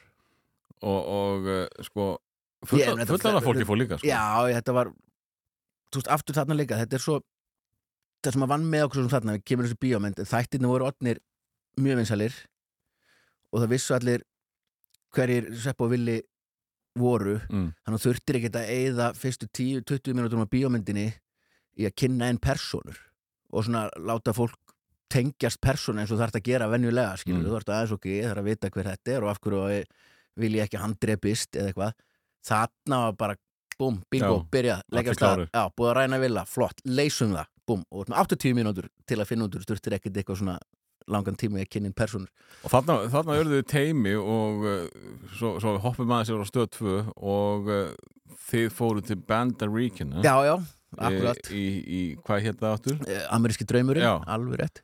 Hvernig, Fyrst, hvern, gerðum við íslenska drauminn. Gerðu þið það? Já, Hvað það var er svo það? fyrst, það var bara hérna heima sko, það var mjög bara á stötu líka, og Var þar það serið? já, já, þar verður þessi já, tveir þættir eða eitthvað svo, þar verður þetta konsept til, þá er eitthvað svepp og eitthvað með eitthvað, þú veist, íslensk eða hvort það var einhver áskorun hjá þeim eða eitthvað, eitt, tveir þættir eða eitthvað svo leiðis bara, Mm. íslenski draumurinn eða, eða minnir að við heiti það gerðu þau bara eitthvað hringin í kringur landin og stig fyrir eitthvað og, og alls konar bull já, svo kemur ameríski draumurinn og það bara að hann var ógeðslega gaman Var ekki fáralega erfitt?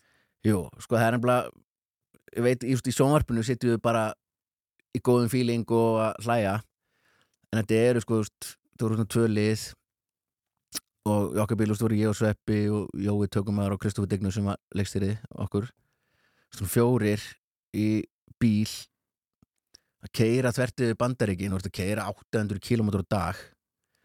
Veist, þetta er ekkert gistum, það voru stundum sem gistum tvær nætur á samastað og það er geggjað. Mm. annars var þetta bara, þú veist keira einhverja highway í þetta, á einhverjum shell bensinstöðum, einhvern mat sem hefur aldrei verið í lífríkinu maður veist ekkert hvað það var, það var bara einhver efni sem maður borðaði.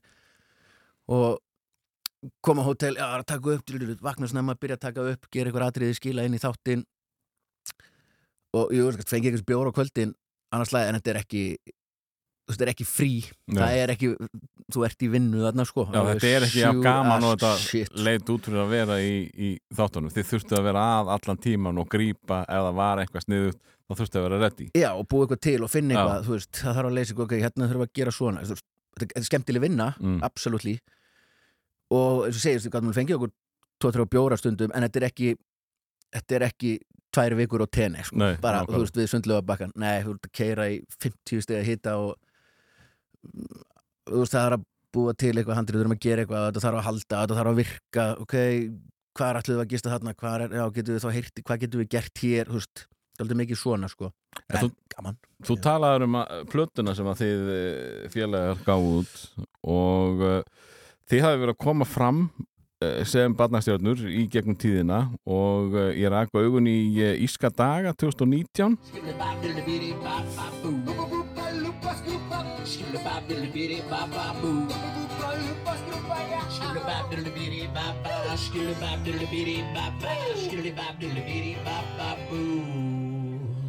Og svo eitt fyrir mömmurnar.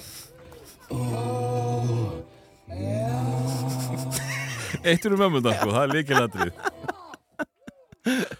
En þetta er það nýtt e- eru þið ennþá að, að ringja á barnaskemmtunum? Já, við erum bara Já, já, mér er að segja, heldur við sem að fara Nú þetta er að COVID sé á undanhaldi Þriðja mars er eitthvað svona barna, ráðstefni í hörpu sem við erum að fara Já, þetta er þetta, þú veist, Við gerum svo plötu, hún er meira á þetta en eins og svo margt sem meira á þetta gekk hún ekki ekki vel, hún Mm. er, hún er á Spotify held ég. Já, og hérna en svo það er þetta, við erum við erum svo góði vinnir og þetta er svo veist, það er svo gott að koma bara með kassagítar. Og sveppi er náttúrulega veist, einstakur, það er Mm. bara einn hann og svo erum við búin, já, búin að vinna mikið saman og þvælast upp á sviði og út um allan heim og eitthvað sko og hérna okkur líður mjög vel bæði upp á sviði saman og svo líka finnst okkur mjög gott þegar að fara eitthvað að þá eru tveir saman í bílum okkur báðum mjög gaman að kera Mm. og stundum myndum maður ekki skilja að fljúga eitthvað en við erum alltaf mjög til í bara, herrðu við þá bara eigum við hérna fjóra, fimm tíma í bílnum saman spjöllum og hlustum á eitthvað og fyrir sem á skemmtun og ef við gistum þar þá var alltaf ársötið hjá Svepp og Villa samstöpunni eftir það eða bara keirum heim og það, þetta er mjög og mjög skemmtilegt, svo er þetta líka svo við höfum mjög gaman að þessu af því að hann er við vitum alveg hvað lög ætlum að spila. Þetta er svona lögin úr þáttónum og, og af plötunni. Spilum mjög reyndur oft og eiginlega við alltaf gældum spila Where's My Mind með Pixies. Já, gegg ég byrja einhvern veginn að spila þetta og með svo flott að láta fullt af krökkum syngja Where is my mind? Það er svo gegg að láta þau syngja þetta lag. Og hérna, við höfum gert þetta í miljón ár reyndar, þegar ég að fatta það. En, en villi í hérna barnatímanum hann var svona pælari. Varð vísinda villi til þar? Já, í rauninni, sko það- Já, já, hann verður til, þetta er rauninni bara Sveppir, sveppi og villir, villi og góð er góð, góð er kannski svona lengst frá því að vera eins og hann er venna, samt eiginlega ekki og hérna já, ég hef alltaf verið að pæla og fór í heimsbyggi í háskólanum og hef mjög gaman að bara vísindum og þekkingu og vera forvitin og hissa og, og skapandi og það var líka strax þú veist, villi verður bara eins og villi er sveppi verður eins og sveppi er og mm. Það er miklu öðeldur fyrir mig að leika sjálfan mig þú veist, það ég er ekki bara alveg svo með lögin, ég get bara að spila lög til sjálfan mig og leik bara sjálfan mig. En hér er mjög uh, já, áhugaverð pæling hjá vísindavilla. Uppáhald spurningi mín er spurningin af hverju? Af hverju eru hlutirnir eins og þeir eru? Ef við skiljum það þá getum við nefnilega breytt þeim. Og ef við getum breytt þeim þá getum við gert heiminn í kringum okkur aðeins betri og ég var að búa til bók sem heitir Vísindabók Villa og hún er stút full af tilraunum sem er gaman að gera heima í eldhúsi Það, bara til að breyta því Já, já. En þarna, sko, það kom tímabil sem þú varst bara mjög ábyrrandi í sjónvarpi svo við höldum áfram Liftu ræða er vel þekkt hugtak í þessum gera. Þar er einfallega átt við að við getum gert hugmyndun okkar spennandi og útskýrtana vel á sem styrstum tíma. Og með liftu erum við bara að vísa í það að hitti ég mögulegan fjárfesti eða viðskiptavinn þá ná ég að gera hugmyndina mína spennandi fyrir honum eða henni á þeim tíma sem ein liftuferð tekur. Tökum dæmi. Hæ, ég heiti Willi. Ég er með hugmynda vísindabók fyrir krakka. Hún á að fjalla um allt milli himins og jarðar og ala á form... Nei, þetta er akkurat mín hæð líka. Jú, ég ætla að... Mér finnst þessi nokkuð góður, Ah, sko. En, en sko, þú hefur tekið að þér alls konar verkefni í sjónvarpi. Já, alveg fullt og örgulega miklu meira en mann, alveg fullt líka beinum útsendingum mann ég. Já, Alls konar, þú veist, söngvakeppnir eða tónlistakeppnir eða góðgerðar þætti og uppbóði. Þín helsta vinna í dag er uh, vonandi núna í framtíðinni eh, einhvers konar visslustjóri Já, já, það er henni, já, veislustjóri og svo erum við mikið af, hérna, spurningakefnum. Pubquizum oft svona netinu eða fyrir fyrirtæki og, og já, sem ég vinn fyrir fram að fólk. Ef fólk er að hittast þá má ég vinna. Ef fólk má ekki hittast þá má ég einfallega ekki vinna. Hér er nú eitt uh, þekktasta halló. Halló, þá fyrir loftið 175. þáttur spurningaleiksins. Nei, hættu nú alveg. Ég heiti Vilhelm Anton Jónsson og er höfundur spurninga og spyrill. Þetta gekk í þó nokkur ár og, og þú ert að podcasta þessu við Já, það ekki? þetta var fullt árum hennar ástöðum Já, og er Halló. Halló, þá fyrir loftið 320 og 50 þáttur spurningaleiksins Nei hættu nú alveg. Ég heiti Vilhelm Anton Jónsson og er höfundur spurninga og spyrill. Fyrirliðar í dag verður Dotti Litli og símir minn. Gestir eru tveir kaffibóllar Fyrsta spurning Fátt er betra en íslenska lambakjötið vel stektur, þetta er, var frasi sem var og mjög er hann ennþá í þarna. gangi? Já, við fórum í smá sumafrí Já En, en, Það- uh, í, Já, já, já, podcastið er bara til bara, Nei hættu nú alveg og- já og, og ferði í lambakjötið? Já, já, Fyrstu spurning alltaf? Já, ekki fyrstu, svona, aðeins búið að breytast, það kemur alltaf lambakjöt, en þetta byrjar alltaf á hall og endar á bless, sko. Mér varst það svo, Æ, man, ég, byrjaði á þessu, það var einhver skrítið saga hérna hvernig þetta var til hér, en einhvern veginn byrjaði á þessu og, og svona ekki mikið mér að plana hvað ég ætla að gera þegar fórum að taka upp fyrsta þátti, voru samt fyrirlegar og gestir, konseptu var alveg klárt og heilangar spurningar og A, B og C möguleikar og eitthvað svo leiðis svo trubla á sig að oft þegar fjölmjöla fólk segir veist, velkomin í þáttin það er eitthvað, eitthvað að við bæðið í útvarpi og sjónvarpi eitthvað svona velkomin í Kastljós. Ég, ég er ekki Mm. veist, jú, ég verið í Kastljós en það er, þá sit ég veist, þá er ég ekki heim í sófa. Þá er ég heim í sófa, ekki í Kastljósinu.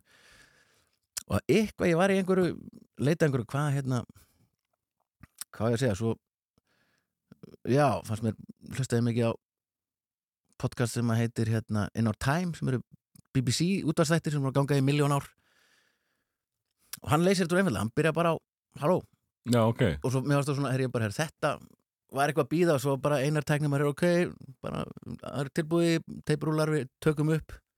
Og ég var eitthvað að leita að einhver og kom þetta bara svona þetta halló, Ge- Gífulega gott halló sko. þátturinn byrjar á halló og endar á bless og ég man að vera heil lengi sko rífast hérna við fullta dagskrástjórum við vildum hafa tónlist, eitthvað upphafstef eða tónlist í þættunum En þetta er dræ alveg frá aðtölu það er ekki bara og ekki tóndæmi Ekki. það eitt eða neitt, Nei. þetta er bara AM radio eins og það gerist best sko. er hratt og að verður Já.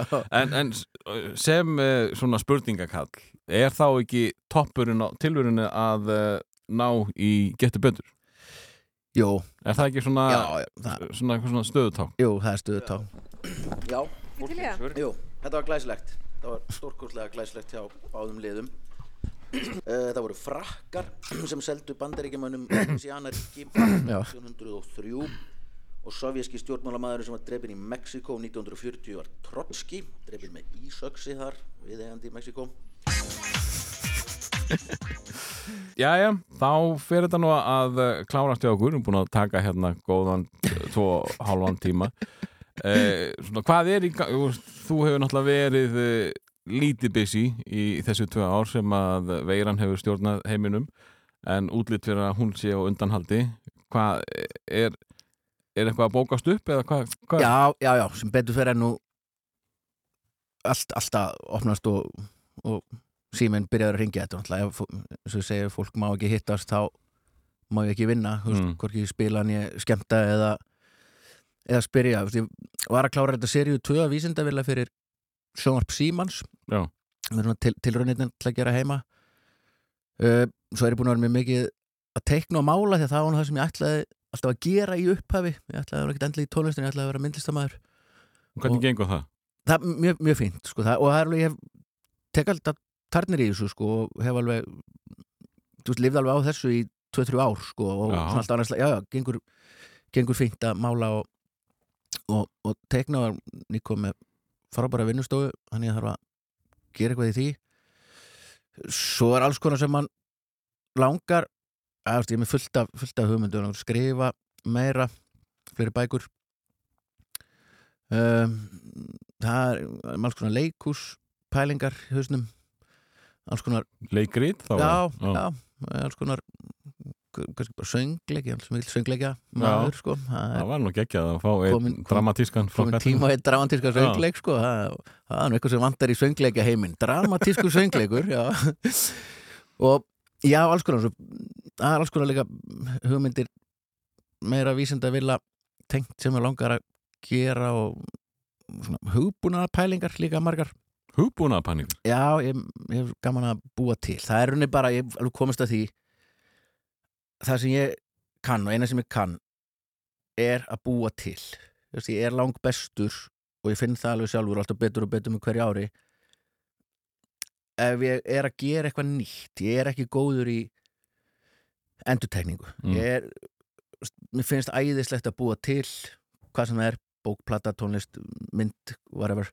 En svona eftirfylgni er erfið og ég finn líka svo núna síðustu ár þar sem maður hefur ekki mátt vinna á fullu og hefur þurft að finna sér eitthvað annað að gera því bara hreinlega ekki mátt vinna fyrir fram að fólk að er henni því meira sem er að gera þeim en duglegri er maður Mm. og þegar er lítið að gera þá finnur maður að það svona svo þarf meiri orku til að byrja á einhverju öðru Skilur. bara, bara að fara fram úr er bara stundum tryggja því af hverju Mm.